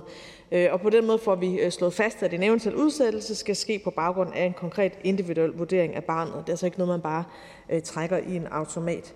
Er der tvivl, ja, så slår lovforslaget også fast, at øh, så øh, skal lederen af dagtilbuddet være ansvarlig for, at der bliver udarbejdet en pædagogisk vurdering, og det mener vi sådan set er øh, helt fornuftigt. Vi håber, at lovforslaget her kan være med til at give flere børn en god og tryg skolestart med virkning allerede fra næste øh, eller fra skoleåret ja, 24-25. Vi stemmer for lovforslaget, ser øh, frem til udvalgsbehandlingen og ved også, at der er mange andre, der glæder sig meget over øh, vedtagelsen her i dag.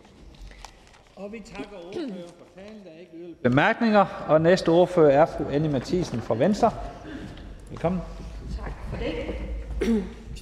Første skoledag, det er en meget stor dag for alle børn.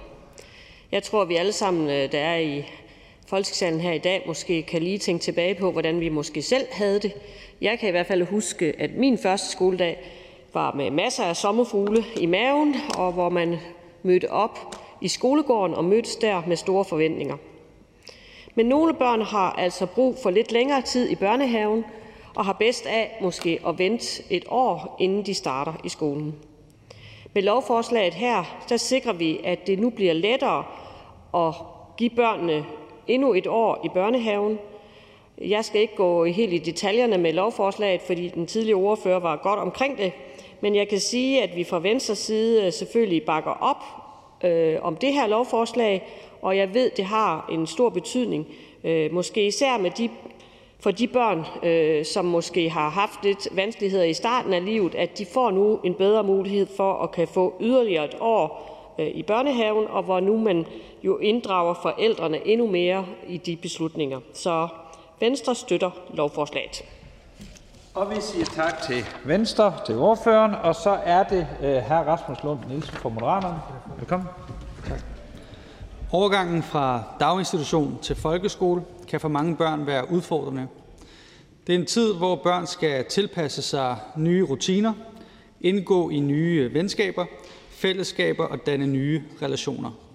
Samtidig begynder samfundet at stille flere og flere krav og forventninger til dem. Overgangen fungerer for langt de fleste, men for nogle børn kan overgangen være svær, og det kan få konsekvenser for barnets velbefindende og fremtidige muligheder, hvis barnet ikke er klar til at starte i skole. Derfor er jeg glad for, at vi i dag behandler det her lovforslag, der skal gøre overgangen mere fleksibel ved at give flere mulighed for at starte et år senere i skole. Med tiden er samfundet begyndt at få en voksen erkendelse af, at ikke alle børn er ens. Det er en sund erkendelse, vi ser den afspejlet i folkeskoleudspillet fra i onsdags, hvor vi giver mere valgfrihed til eleverne. Og tiden med rigide rammer og one size fits all er forhåbentlig ved at være over. Nogle børn har brug for mere tid til at udvikle deres sociale og følelsesmæssige kompetencer, før de kan drage fordel af skolemiljøet, og derfor er det vigtigt, at vi giver forældre og pædagoger mulighed for at vurdere, om et barn er klar til at begynde i skole, eller om det vil være i barnets bedste interesse at udsætte skolestarten. En øh, udsat skolestart vil give mulighed for, at børn, der har brug for det, kan få den ekstra tid og støtte, de behøver for at udvikle sig og trives bedre i skolemiljøet. Moderaterne støtter forslaget. Tak for ordet. Og vi siger tak til ordføreren. Så er det fru Charlotte Boman Mølbæk fra SF.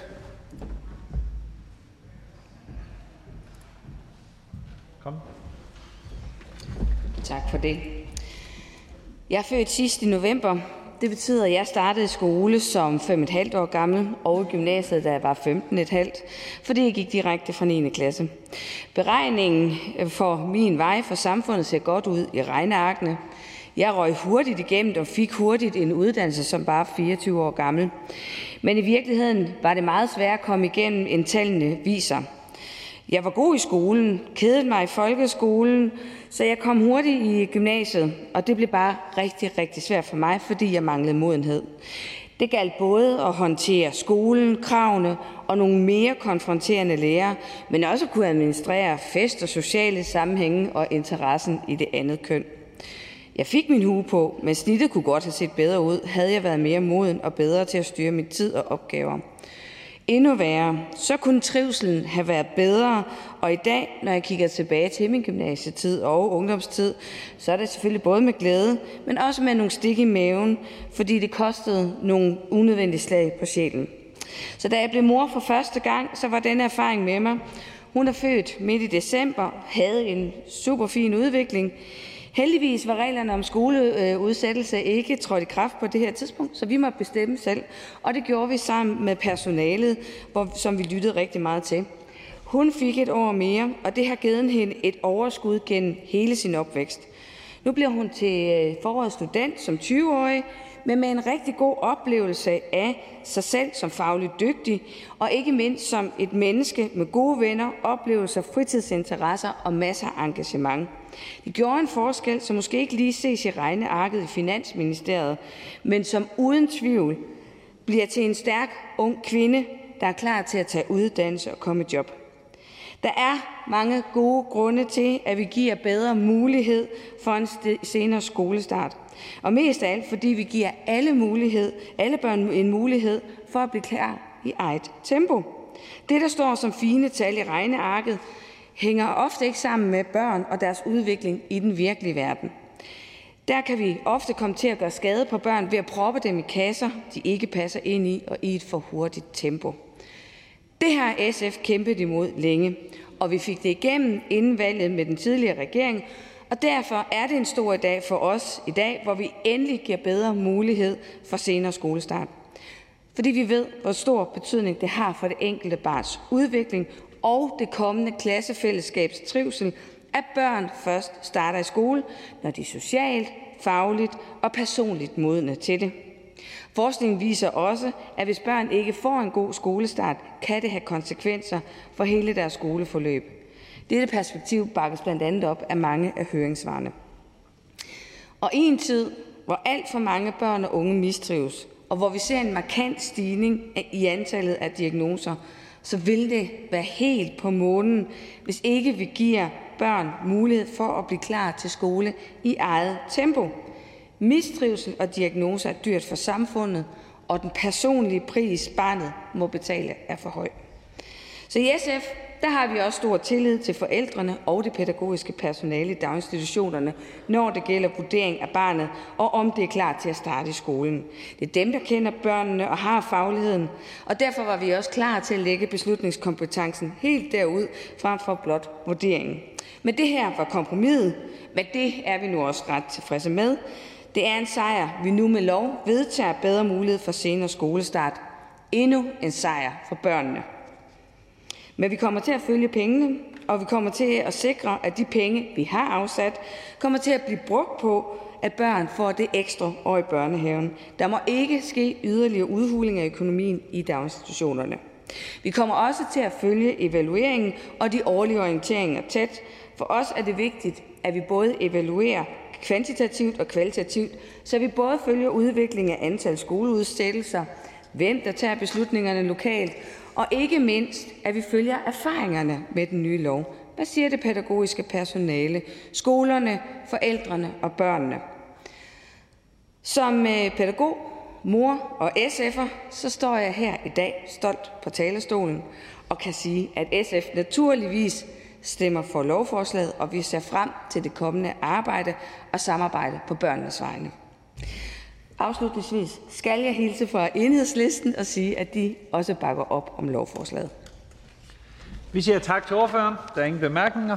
Næste ordfører er fru Karina Adsbøl fra Danmarksdemokraterne.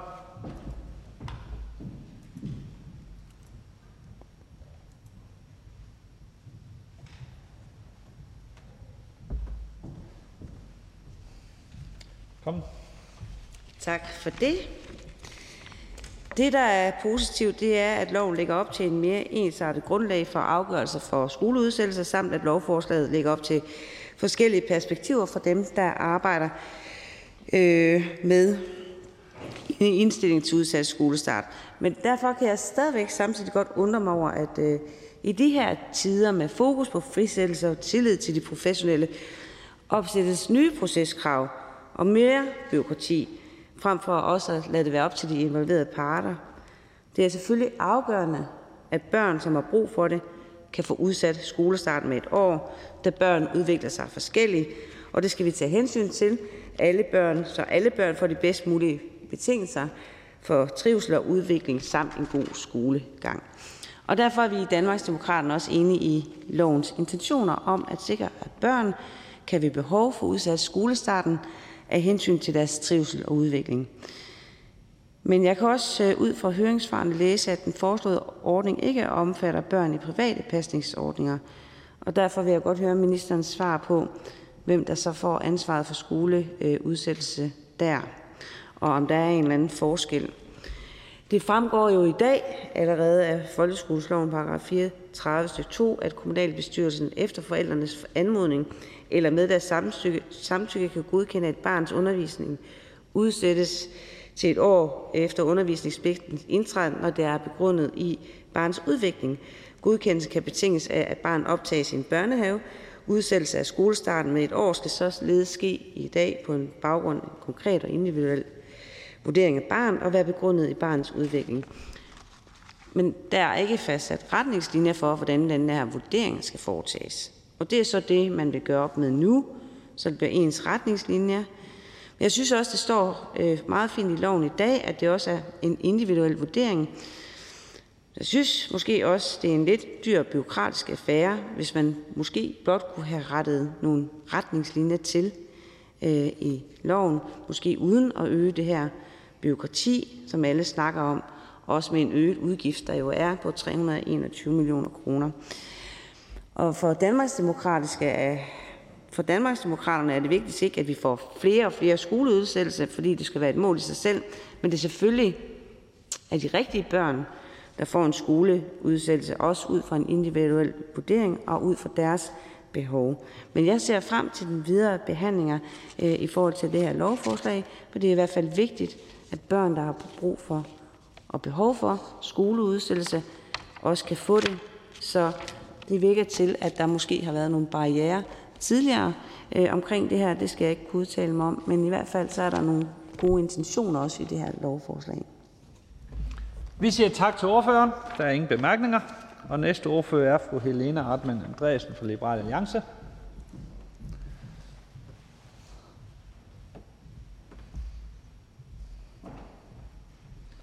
Kom. Jeg kan lige så godt starte med at sige, at øh, Liberal Alliance stemmer for øh, lovforslaget. Det gør vi både, fordi at vi er en del af forårets finanslov, og fordi at det er rigtig godt, at vi giver børn en bedre mulighed for udsat skolestart. Forskning viser jo også, at hvis øh, børn ikke får en god øh, skolestart, kan det have konsekvenser for øh, resten af barnets skoleforløb. Det år, et barn fylder 6 år, indtræder undervisningspligten. Og det er ikke alle børn, der er klar til skolens udfordringer og krav. Med lovforslaget bliver det lederen af dagtilbuddet, der bliver ansvarlig for, at der udarbejdes vurdering af et barn, der er optaget i dagtilbuddet, som forventes at begynde i skole i det kommende skoleår, hvis der er forhold eh, relateret til barnets trivsel, læring, udvikling og dannelse.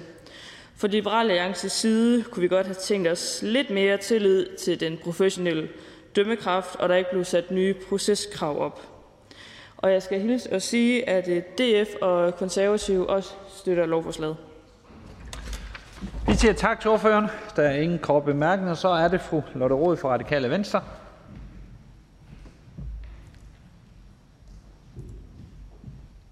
Velkommen. Tak for det.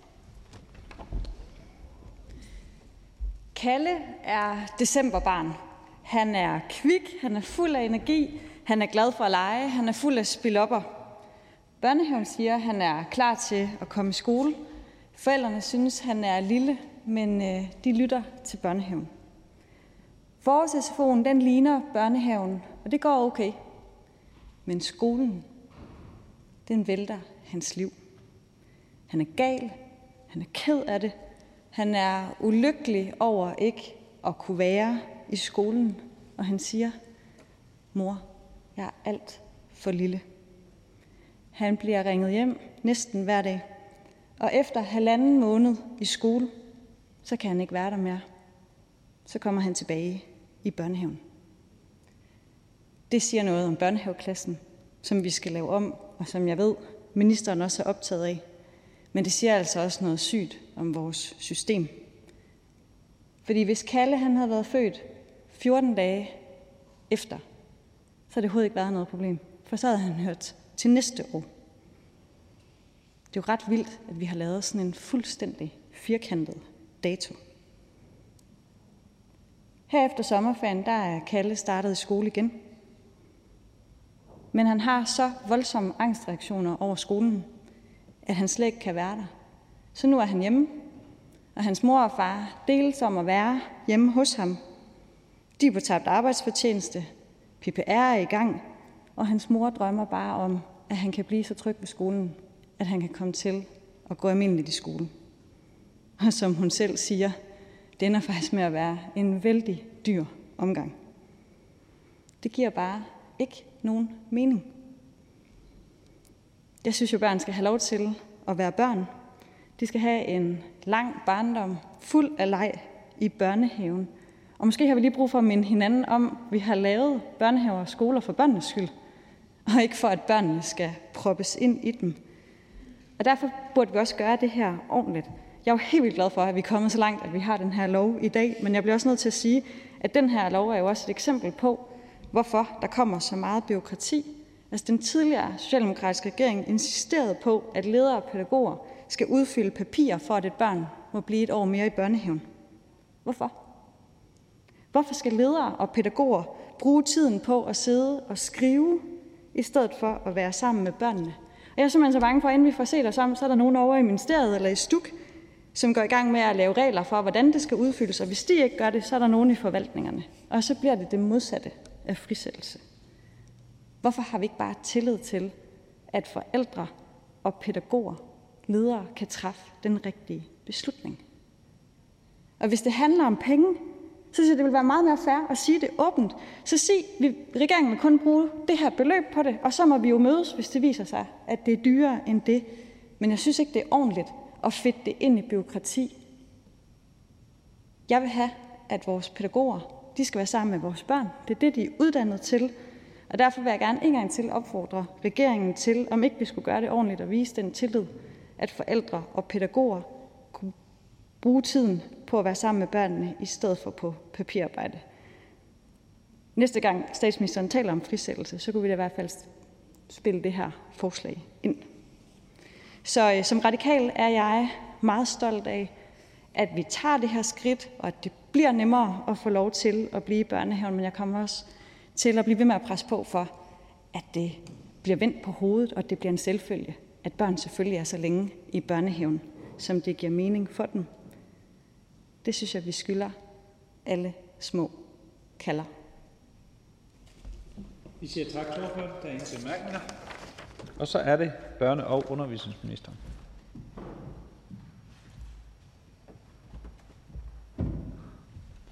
Velkommen, minister.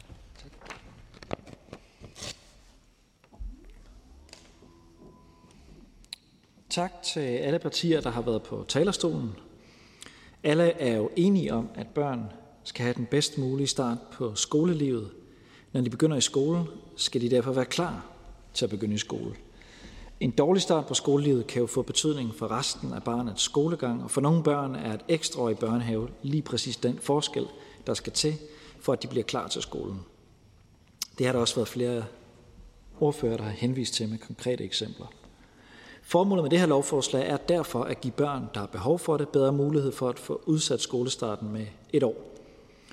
Tilbage i december 21 blev der med finansloven for året efter afsat penge til at give børn en bedre mulighed for at udsætte skolestarten med et år.